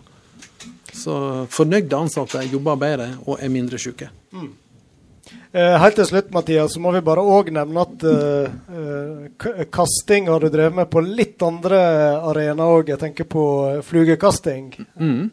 Uh, kort fortalt, uh, du kan konkurrere faktisk i verdensmesterskap, har jeg skjønt, innen dette òg. Ja, ja, absolutt. Det, Før så var det noe som heter casting som, som gjaldt. Jeg var jo landslagstrener der også i 15 år. Ja. Og det er en idrett med fiskestenger, der du både med fluge og med, med sluk, eller sånn plastplugg som de bruker der, lengde og presisjon. Så det var der jeg fikk min eh, innføring i flugekasseteknikk. Eh, Men det er med utstyr som du ikke kan fiske med. Det er så kraftig og rått og vilt. Du kaster jo over 100 meter med tohånds flugestang hvis det blåser riktig. Ja. Eh, Men så har de da begynt å utvikle flugekastemesterskap med vanlig fiskeutstyr, der du har noen begrensninger, men ikke så, så fryktelig mange. Og da, blir det mer sånn som det er å fiske, men bortsett fra at du kan tyne ting så langt det lar seg gjøre. Så der har jeg vært med både og bygd opp eh, den idretten sjøl, og, og deltatt både i de første to VM-a som ble arrangert, ett i Irland og ett i Norge. Ja. Og fikk sanka med meg eh, to sølvmedaljer og to bronsemedaljer. Heller ikke gull der. Nei. Men, men. Ja. Er det mange? Det, det er ikke for seint. Nei. Nei, det er ikke for sent ennå. For det, der er teknikken eh, viktigere enn det fysiske. Og samtidig som eh, det fysiske faktisk er på plass ennå, iallfall hos meg. Så det er ikke der det eventuelt hadde skutt. Jeg har et spørsmål Ja. jeg brenner inne med. Det gjelder spyd, da. Mhm. Eh, nå er det jo så mye kunstgressbaner rundt omkring. Ja. Hvor, er det spydkasterne trener her? Godt spørsmål. Nei, For å være helt ærlig så har jeg ikke tenkt over det sjøl. For nå har jeg ikke jobba med spydkast på, på ganske mange år. Så, men det må jo være et viktig spørsmål å ta opp. Kanskje Stryn skal lage en egen eh, grasbane kun for spydkast? Da legger vi den til Olden, for der er det, så, der er det godt kastmiljø. Jeg vet det. Jeg jobber inn og har hatt eh, noen økter, eller ei økt i Olden, og så har jeg også jobba litt med disse to eh, brødrene som oh, ja. har gjort det bra både i, spesielt og i diskos og kule. Hva du tenker om det de eh, har fått til i ung alder? Ja, det er jo eksepsjonelt. Både, både eldstemann, eh, men kanskje aller mest eh, hans yngre bror. Steffen. Steffen, ja. Som eh, Det han har gjort nå i sommer, det er jo helt rått og vilt. Ja. Med både aldersrekorder og eh, gull overalt. Så eh, når han får et år eller to til på seg, så kan dette her bli skummelt. Det, og det som også er det fine, er at han har masse å gå på når det gjelder styrke. Jeg har jo hjulpet til med å lage et program til, til begge to. Ja. Og jeg ser absolutt at han har, han har starta riktig. Det er ikke om å gjøre å bli stor og sterk og kantet og, og uteknisk. Og Steffen har jo en teknikk som er er helt rå. Sier de som har peiling på, på diskos. Jeg er mer spydkaster, men jeg, jeg ser jo sjøl, og jeg hører det når jeg snakker om det. Så når han får bygd opp styrken sin gradvis over noen år til, så, så tror jeg dette her kan bli ordentlig, ordentlig bra. Ifølge primus motor i Olden, han Hans Petter Galtung, så har faktisk Steffen vært et slags forbilde for han som er best i Norge nå. Er det Isan han heter? Eller Isene? Ja, så han har faktisk studert uh, Melheim for å lære litt triks. så det er Ja, litt, tek eh. Teknikken hans er så bra at det er veldig mange som ser opp til han for å Ja. kunne forbedre seg sjøl. Ja. Snakker vi om et uh, OL-gull i, i framtida her? Altså, alle muligheter er faktisk åpne der, så lenge han allerede nå er på det tekniske nivået og mangler ganske mye styrke ennå. Og det er helt greit at han mangler, for det har han god tid til å bygge opp. Så hvis han fremdeles er tålmodig og gjør ting riktig, så eh, alt er mulig. Men klart, det nålauget er ikke stort, altså. Det, De har jo et spennende spydkasttalent der inne hun Maja Fuglestrand Både. Ja, hun er ung ennå, eh, men hun hiver liten ball dobbelt så langt som meg og deg, Frank. Minst. Og spydet har vel gått 45 meter. Ja, Mm. hvis ikke det har gått over ja. 50 år. Ja, så, å ja, Ja, det, det kanskje jeg skal ta den med klypa salt. Nei, men hun er jo sett det, hun kaster på ei økt og, og sett litt video, så der er det definitivt potensial der også. Men da er det jo fantastisk å ha en kapasitet her i Stryn som faktisk har vært på det nivået som du har, Mathias. Og veldig bra å høre hvis du kan bidra litt inn mot disse unge som kommer. Ja da, jeg skal jobbe litt mer med, med Hans Peter og Olden, og, og spesielt da Steffen, sånn for å prøve å hjelpe han til å bli enda bedre og Ja. gjøre ting riktig. Spennende. Kanskje klarer han å slå deg og ta denne gullmedaljen en gang, da? Ja, det, det har han vel gjort allerede, for å si det sånn, iallfall i de yngre klassene. Jo, men det er vel senior som gjelder. Ja da, ja. det er jo egentlig det. Nei, men det, et, hvis ikke det skjer noe gale med skade og sånne ting, så tror jeg han eh, er ganske bankers til å kunne Han må i hvert fall slåss litt med han i sandet, det, det er ikke tvil om, men eh, på et eller annet tidspunkt Han er jo en del yngre, så er nok han som tar over. Men han, det handler vel mye om å ha de rette folket rundt seg òg? Det? Det gjør det definitivt, og jeg tror Hans Peter er jo en unik person å ha i et sånt system som dette her, som da passer på å, å dra inn de folka som har litt kompetanse og som på akkurat det med kast, og så kan han bruke sin egen kompetanse på trening inn mot andre deler av treninga. Så han er veldig godt å ha i det miljøet der, altså. Og bare ha den oppbackinga Mm. Er vel nesten like viktig som kunnskapen, tenker jeg. Det å motivere og få noen til Du Ja. føler noen løfter deg litt uh, fram. Jeg kjenner jo ikke historien bak her, men jeg vil jo tro at Hans Peter har eh, en, en eh, god del av æra for at, så at brødrene har kommet opp, vil jeg tro. Ja, jeg heller kjenner ikke akkurat detaljene, men det, jeg vil tro at han har dratt i litt tråder, lagt litt til rette, Han iallfall. sa vel sjøl at uh, at han har dratt inn kompetanse utenfra, der det har skorta sjøl. Ja, ja, det det- har vært veldig viktig. Og det er veldig bra at han gjør det. Og, øh, han, får, han også får hjelp fra en kasttrener i, i Børkerol i Breim. Ja, Jørund Årdal. Det, der har vi han, ja. Nå, det er godt noen er- husker navn bedre enn meg. Vi sender en verbal blomst inn til Olden, skal ikke vi det? Det gjør vi. Ja, det gjør vi. Ja, det må vi gjøre. Tusen takk, eh, Mathias, for at du vil eh, komme i Sportons Spa-studio. Det er kjekt å eh, mimre, og selv om ikke du husker alle navnene, så husker du iallfall spy, spydlengde og litt sånne ting. Og artig å høre hvordan du holdt deg gående når du satsa på idretten. Eh, ja, da sier vi tusen takk til deg. Fin kveld videre. Og like så eh, skal vi høre litt musikk før vi får siste gjest i studio, som er Roger Olsen.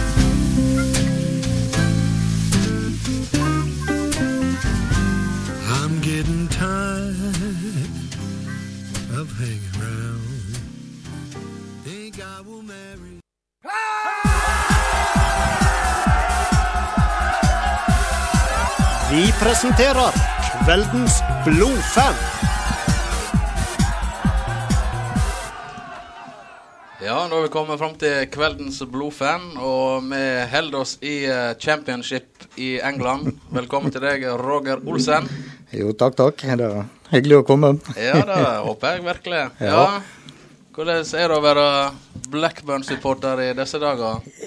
Det er vel så det har vært siste 20-25-30 år, Det har vært berg-og-dal-bane. Ja, for det er vel ingen Eh. tvil om at uh, det var vel på 90-tallet at du fatta interesse for uh, de blå-hvite. Det var stemmer, det var begynnelsen av 90-tallet, rundt ja, 91-92. Det, det falt på det laget. Ja, men Så, eh, du har jo vært trufast, det skal du ha. Det har vi. Ja. Det er, hvis de sier du kan skifte mye rart, men ikke fotballag. Hva det var som gjorde det ble Blackburn, da? Det var jo eh, si, Alle har jo vokst opp med nesten Skeie og Tippekampen og Pling og alt dette der. og Det kommer jo fra en Leeds-familie, og mye av kompisene er jo Liverpool og Manchester United-supportere og sånt. Men eh, jeg vil jo finne mitt eget lag.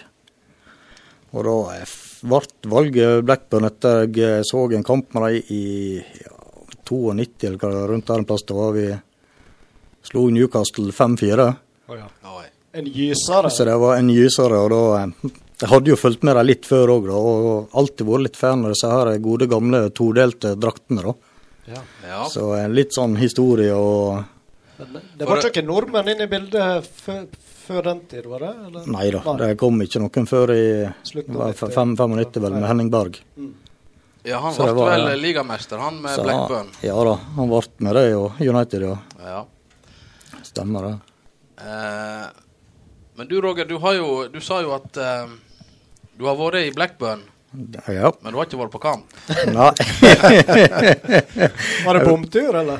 Eh, ja, eller ikke bomtur på den sett vis. Da jeg og en kompis og skulle over og se litt fotballkamper. og Etter å ha studert dette langt og lenge, så fant vi ut skal vi få med oss mest mulig kamper, så blir det juletider. Så jeg har jo faktisk feira julaften i England. det er ikke Var du noe blodfan? Ja, ja, ja. Så det, da reiste vi til Manchester, da, og eh, vi kom jo fram dit, og da var det jo full ombygging på denne her, eh, hva er det, Piccadillyen det heter, på togstasjonen.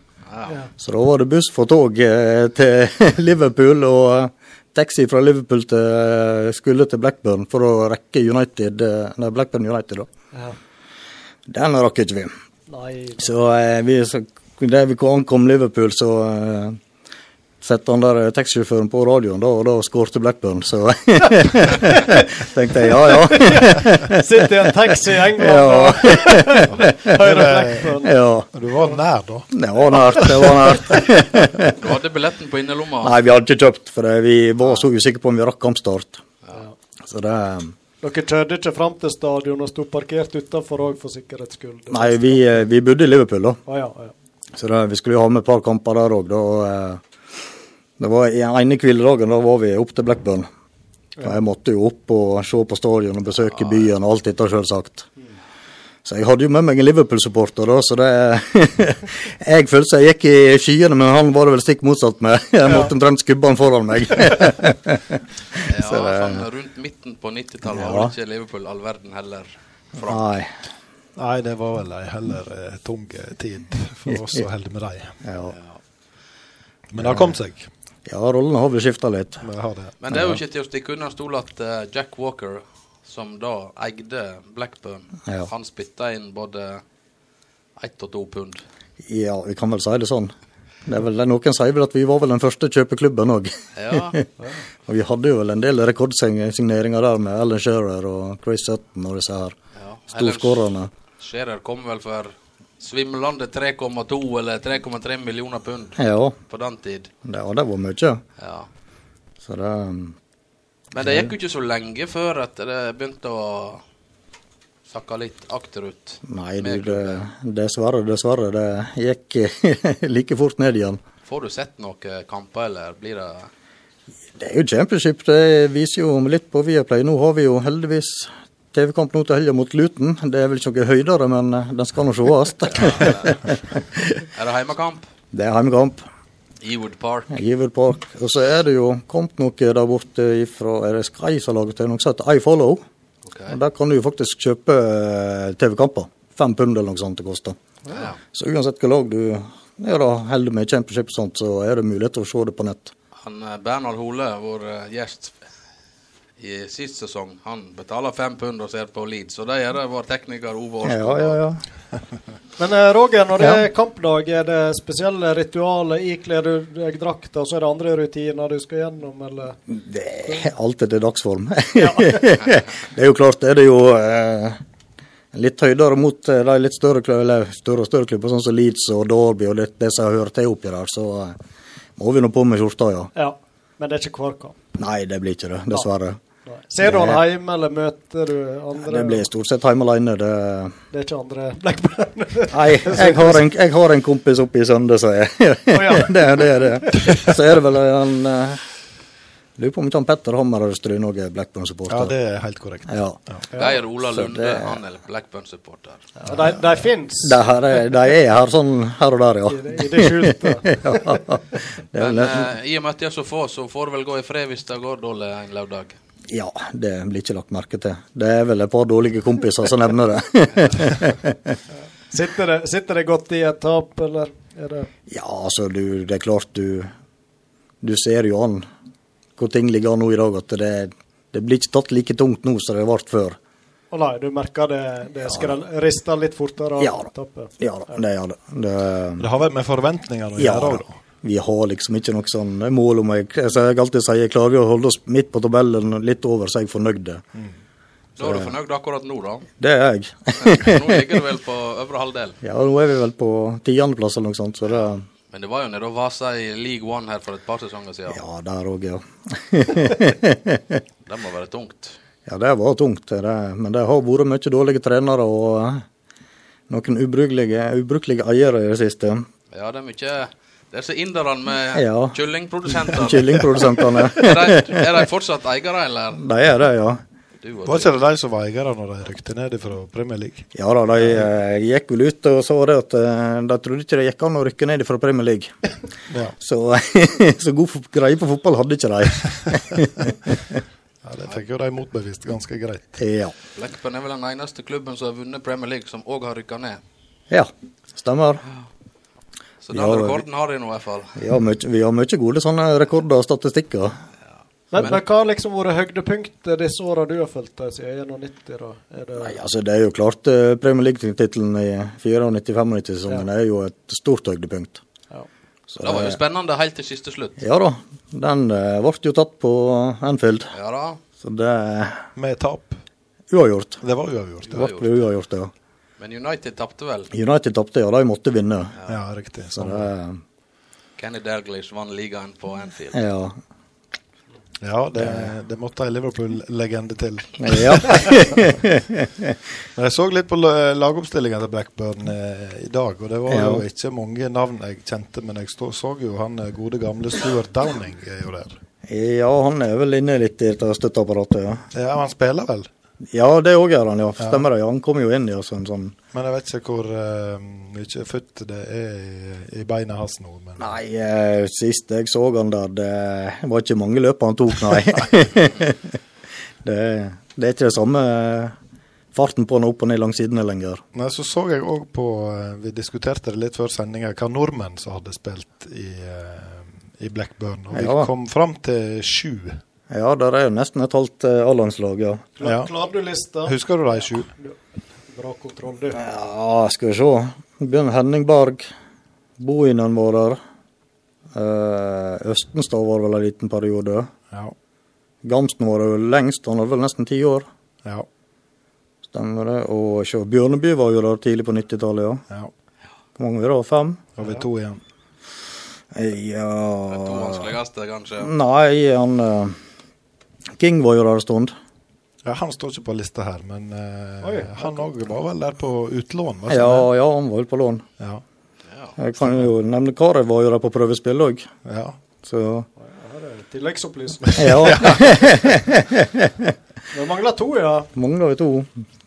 Ja, hvem det kunne være nå, da? Tore. Ja, Pedersen. Tore Pedersen. Stemmer det, ja. Han var jo inne der, ja. Han, gjorde- han gjorde ikke noe stort ut av seg, Nei, det. Nei, siste var jo Martin Andresen. Ja, Martin, jeg, jeg husker ikke at han var der, men eh, han, han sto på lista, han òg. Ja, han òg tror jeg var bare inne på lån en liten kort periode. Ja. Det var knapt et år eller noe sånt. Ja, nei, det var vel ikke for noe stor karriere. Men Gamsten han hadde jo ei kjempekarriere der. Han eh, var der jo i nesten ti år. Ja. Var ikke det han som hadde nest flest kamper, sa du, for I, Blackburn? i Premier League. Ja. Ja. det Han må nå ha ei høy stjerne der borte i, i dag. Ja, det tror jeg nok. Ja. Så det Det hadde vel Henning Berg òg helt til han ble manager og, og rota det til litt. Ja. det var vel en periode da vi hadde vel ikke man, mange managere på uh, kort tid. Så det var tre år vi bytta omtrent uh, manager hvert år. Ja, han var ikke lenge, han. Det, nei, Etter er uh, Men har du noen noe planer om å reise på eh, gode, gamle Ewood Park? Ja, nå er det da, sier han eh, kompisen min som skal si. Vi er en liten gjeng som prøver å planlegge en tur i april. Ja, ok. Og Da blir det jo Blackburn mot Leeds. Oi, oi, oi. 4. april. Ai, ai, er Så sesongens- den håper vi å få til, da. Ja, det er noe sesongens eh, største kamp, vel, championship. Ja, eh, det er jo det. det er jo det. Det er Iallfall nå når erkerivalen vår er jo en divisjon oppe òg, så eh, må vi jo se på det, ja. Ja. Nei, det blir er det. Burnley som er Burnley er Erkerivalen, ja. Burnley er erkerival, ja. Det visste du, Roy. Nei, dette er utenfor mitt Ja. kunnskapsnivå. ja, det, det går helt tilbake til 1800-tallet, det. Å, det ser du ja. Ja, ja. Blackburn var gode på slutten av 1800-tallet. Ja. Jeg, jeg mener jeg leste at Blackburn var eneste klubben som hadde vunnet FA-cupen fire sesonger på rad. Eh, tre, tror jeg. Var det tre? Ja, kanskje Tre, ja. det var tre. På Ja. 1880-tallet en gang. Ja, ja nok 18, ja, slutten av 1880 eller noe sånt. Ja, Så eh, der er noe historie i veggene der. Der er mye god historie. Vi var jo med å starte Football League, Ja. eksempel en av de tolv lagene. ja. Så det er Sånn prater en ekte supporter. Ja, ja. Vi var med det er, Ja, men det er alltid vi. Ja, ja. Så det, det er vi i sofaen, veit Ja. du. Men hvem er det som er den beste spilleren som har vært på Blackburn etter ditt syn? Nei, for meg er det jo Tim Sherwood, uten tvil. Det var leder og midtbanedirigent uten like. Det Ikke Alan Shearer, altså. Nei, altså, han var jo en kjempespiss. Det er ikke noe å si på det. Han og 17 i radarparet der oppe, det var fantastisk. Men uh, han hadde mye enkle mål, veit du. Jo, jo, men det skal skåres, de òg. Ja da, det er jo det. Jeg så, så jo litt på spillerne som var rundt da de vant eh, serien der. Så husker jo jeg tilbake sjøl at det var jo et underholdende lag å se på. Hadde han eh, Colin Henry var jo sjef Ja, i ja, ja, Midtforsvaret. Det, var sånn der eh, jordbruksmaskin. du, så, du så hva han har tatt sklittaklingene hen. Det var en sånn god, gammeldags eh, Ja. britisk midtstopper. Ja, det var, det, var, det var da det var engelsk fotball, som jeg sier. Ja, det er jo et poeng. Så Ja. du du uh, Stuart Ripley og Damien Duff og Ja. disse her Ja. mer eh, offensive Ja, spillerne. ja, Duff var vel senere, han var vel begynnelsen av 2000-tallet. Ja, det kan Men, hende. ja. Men jeg husker han òg. var ja, han eh, bra. Ja. Hadde jo en eh, landslagskeeper òg, vel. ja. Flowers. Tim Flowers var jo kjempe Ja, stemmer det. så det, Nei, det var, det var gullalderen. Men hvordan er situasjonen i klubben nå i forhold til eiere og penger er jo selvfølgelig viktig i dag og sånne ting. Er det noe håp om at det skal bli Premier League igjen i nærmeste framtid? Da må vi vel kvitte oss med noen eiere og få inn noen andre som Ja. kan spytte inn litt penger. Men disse her Det- kyllingfolka, de er ikke der nå? De tror ikke jeg har vist seg i Blackburn på noen år. de gjør vel klokt i å holde seg langt vekke. Ja, det har vel det samme problem som Newcastle. De har en eier som ingen vil ha. ja. Og så skal du jo selge, så skal de ha for mye penger. Sånt, Så det, det verserte jo sånt veldig godt rykte her i sommer på prishisten at det var jo en av disse her eh, oljesjeikene nedi her som hadde lyst til å kjøpe Blackburn, da, men det var jo bare et rykte. Så Jeg Du Det- håper på det. eller? det er klart, det, alt er jo bedre enn det som er nå. Men det, Det er mer Det- penger i oljen i kyllingindustrien. det er det nok. Det er det nok. Men det blir jo ikke noe kjekt. Skal alle klubbene bli eid av oljesjeiker og bare spytte inn milliarder på milliarder? Det, Det er ikke bare sjarmerende. nei. Jeg syns den pengene har vel ødelagt mye av den fotballen som er i dag. Ja, det er iallfall sånn at skal en være med oppi der, så må Ja. jo en ha eh, steinrike eiere i ryggen, eller så er det ikke sjans. Nei da, det er når det er sånn med alle så her, så er nå nede i championship og litt lenger nede, så dyrker du fram en god spiller, så var det en sesong hos han selv. Ja. Så det, du rekker liksom aldri å bygge opp et lag. Nei, det er ikke lett å eh, kjempe seg inn i, i Premier League i det hele tatt, egentlig. Nei, nei, og hvis du først kommer opp der, så er jo veien eh, til topp eh, seks iallfall fryktelig lang. Det er han jo. Så eh, Nei, det er ikke lett. Men hvor er Roger? Er du fotballinteressert sånn generelt, eller er det kun Blackburn? Eller ser du landskamp og andre klubber? Ja, ja, ja. Vi følger med på det meste. Og Champions League og Uefa Cup og alt mulig som måtte gå. Ja. Lokalfotball òg, er du på stadion av og til? og- Det har det vært dårlig med, altså. Jeg var på Stryn Eid i fjor. På 16. mai-kampen. det var vel første kampen der på lenge. Men har du noe sånn nummer to-lag etter Blackburn? Mm, Nei, ikke i uh, England iallfall. Det har vært litt sånn skap i Spania med Atletico Madrid og Borussia Dortmund da, i Tyskland. Det har vært litt sånn det er Kanskje de burde satse mer på nå. Olden, da? Nei, Olden, det tror jeg ikke det er. Det, hva er det har de da? Er det bare smågutt eller lilleputt? Men jeg husker før hadde jeg alltid, i det- i fall i de største ligaene, et favorittlag. Jeg har jo alltid vært Liverpool-fan, men Ja. jeg hadde alltid et favorittlag i de andre, andre landene òg, så jeg fulgte litt ekstra med på. Så eh, jeg husker han eh, gode gamle Romario, f.eks., spilte Mm. for PSV. Eh, Så da ble det PSV i Nederland, og så hadde du det gående, liksom. Ja. Så det er noe rart med det. En følger jo med på litt mer enn en sitt eget lag, som regel. Ja da. Det er, det er greit å følge med litt rundt omkring i Europa. Og så blir det jo spilt eh, god fotball i andre land enn England òg. Ikke minst. Såpass rause må vi vel være, Thomas. ja. Er det noen supporterklubb i Norge for Blackburn? ja da, det er det. Det er en norsk eh, klubb som kan hete? Blackburn Rovers Supporter Union eller klubb et eller annet. Og der er du med? Nei, dessverre. Da må du få han inn der. ja, du får sponse. Ja. Nei, jeg, var, inne, jeg er jo inne og leser nyhetene mye der, og de plukker jo opp litt her og der, men eh, det har vært labert. Så det, det var ikke store antallet, jeg tror det var litt over 200 medlemmer i hele Norge.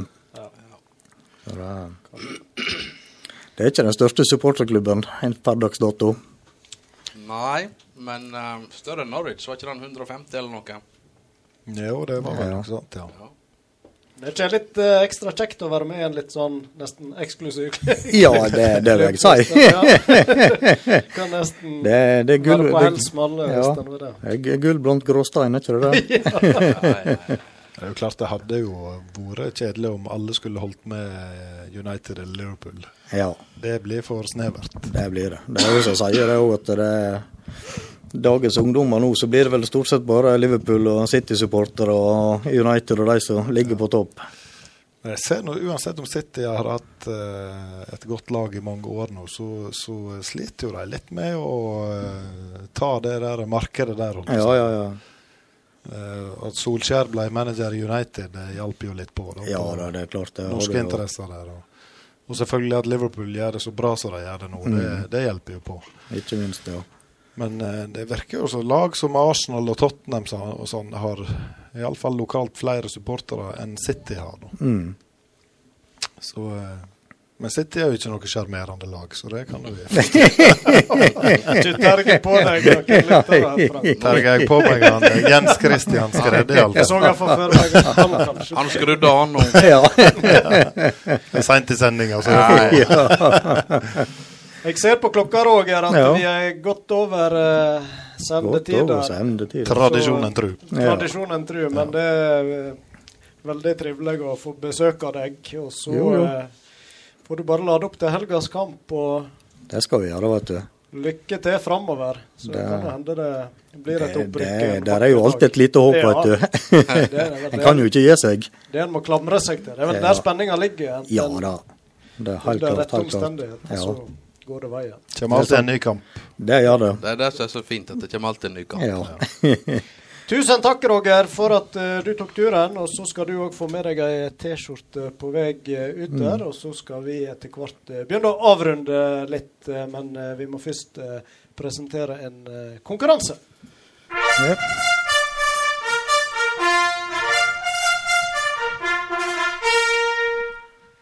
Ja. Thomas, du er vel fortsatt konkurranseansvarlig? Ja, nå tror jeg eh, det kanskje er siste gangen at jeg kan ha ansvaret for uh, Vi må vel være så ærlige at denne gangen var det skralt med svar. Ja, nå uh, Vi kan ikke skryte på oss at det renner inn med svar. Uh, Hvor mange var det? Vi kunne vel telle det på To fingre. På to fingre, ja. ja. Uten å si noe mer. Ja, uten å si noe mer. Så eh, denne gangen så er vi vel faktisk så rause, konkluderte vi med at vi, vi slår til å spandere ei T-skjorte på samtlige eh, Samtlige som har svar som kom inn. Og begge, begge hadde jo riktig svar. Ja, Husker du spørsmålet, Frank? Nei. Husker du, Roy? Nei, jeg gjør faktisk ikke det. Eh, Husker, husker du? Det er jo jeg husker det. Det var jo hvordan eh, lag Honella Katrin Flot Honning hadde prøvespilt for i Bergen. Det var det. Det var toppserien, det. Det var i toppserien, ja. tid, ja. Og det var Sandviken. Sandviken ligger ved Bergen. Ja, Kjempebra. Så da sender vi ei T-skjorte til hovedstaden. Mathias Ullebø Gardlid. Gratulerer. Riktig. Da er han eh, den lykkelige innehaver av både den hvite og den oransje skjorta. Er han den eneste? Eh, Helt til du Foreløpig så er den eneste. Så begge T-skjortene. Helt til du presenterer Den andre òg, den òg skal vi sende østover. Ja. Men Ikke så langt. ikke så langt. Opp i Oppstryn. Merete Strand Guddal. Det, gratulerer til begge de. Det var jo et navn vi har hørt før. Ja. Så da har vi to stykker i den eksklusive klubben med ei T-skjorte av eh, hver variant. Men eh, ja, applaus. Vi slenger på en applaus til dem. Men vi er ikke verre på at vi kjører en ny konkurranse. Vi har trua, akkurat som Roger eh, Ja. Olsen her sa i stad. Vi gir ikke opp så lett, så Vi kan vi, smeller vi, av gårde. vi kan jo vel eh, oppfordre om at vi kan få noe svar. Det hadde vært veldig kjekt. Vi, det gir jo oss litt boost, da, og så får litt uh, respons der ute fra. Så send inn, og så skal Jeg må vi si det at jeg, jeg gikk jo og tusla litt rundt på dette her oktoberfestområdet i helga. Ja. Eh, og da uh, snakket jeg med veldig mange som uh, hørte på programmet vårt. Så kjekt. Ja. Um, Men det er mange som hører, skjønner du. ja, så vi bør kanskje oppfordre de som, spesielt de som ikke har svart før på konkurranser, om å sende inn sine svar. Og det er jo flotte T-skjorter. Er det de det er noe gale med? eller? Det er jo tidsriktig farger. Oransje er jo Ja, det er jo, det er jo Eikefjordfargene, så det bør jo lokke det. Alle kler jo oransje. Ja. Så eh, som de sikkert fikk med seg, så er det jo forholdsvis stor sjanse å, å vinne den her T-skjorta. Ja. Så her er det bare å hive inn svar. Det får være den store oppfordringa. Men vi må stille et spørsmål, da, så dere kan svare på. Ja. Vi hadde jo eh, besøk av maratonmannen maratonmannen Inge Asbjørn Haugen. Som nå har gjennomført 590 maraton. Og det er vel 590 flere enn samtlige av oss her inne. Ja, du Roy, har du sprunget maraton? Nei, jeg uh, har aldri gjennomført noe slikt. Nei, det skal ikke du heller. Nei, det skal ikke du. Nei. Men nok om det. du skal legge på deg. I tillegg til å springe, så spiller han eh, Inge Asbjørn på et instrument. Ja. Hva for et instrument spiller han når han har tid? Han er en larv til å øve. Men Han er en larv til å øve, men han spille, får noe lyd i dette instrumentet sitt. Ja. Send inn til Sportons Spas på Messenger, og nå krever vi litt svar her.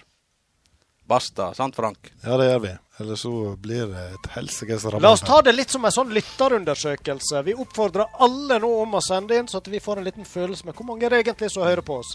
Så klart Får vi to svar neste gang òg, så eh, Ja, Da er det kroken på Det døra. Ja. Nei da, vi skal ikke være så bastante. Nå er eh, Ove hjemme igjen. Nå er det hint ja, fra teknikerstolen her. Det begynner å spille kjenningsmelodien vår, og da avrunder vi med å si eh, tusen takk til eh, Ja, vi kan jo starte med tekniker Ove André Orskog. Nok en flott jobb bak spakene. Så har vi hatt eh, mange hyggelige, kjekke gjester. Så er spørsmålet om jeg husker alle, men vi begynner iallfall i en ende. Tarjei Bø har vært med oss. Isak Bergseth. Vi hadde to eh, flotte fotballjenter med i studio. Anja Bertine Thomas Gaard og Emma Sæbø. Og så har vi hatt besøk av nevnte Inge Asbjørn Haugen. Mathias Lilleheim. Mathias Lilleheim. Og til slutt, ikke minst, Roger Olsen. Og vi sier takk for oss, vi som sitter i studio her. Er tilbake igjen om 14 dager. På min venstre side. Frank Hoel. På min høyre side. Thomas Taule, som er veldig glad for at Liverpool vant 2-0 i kveld. Og i midten Roy Horn. Da sier vi tusen takk. Ha en flott onsdagskveld.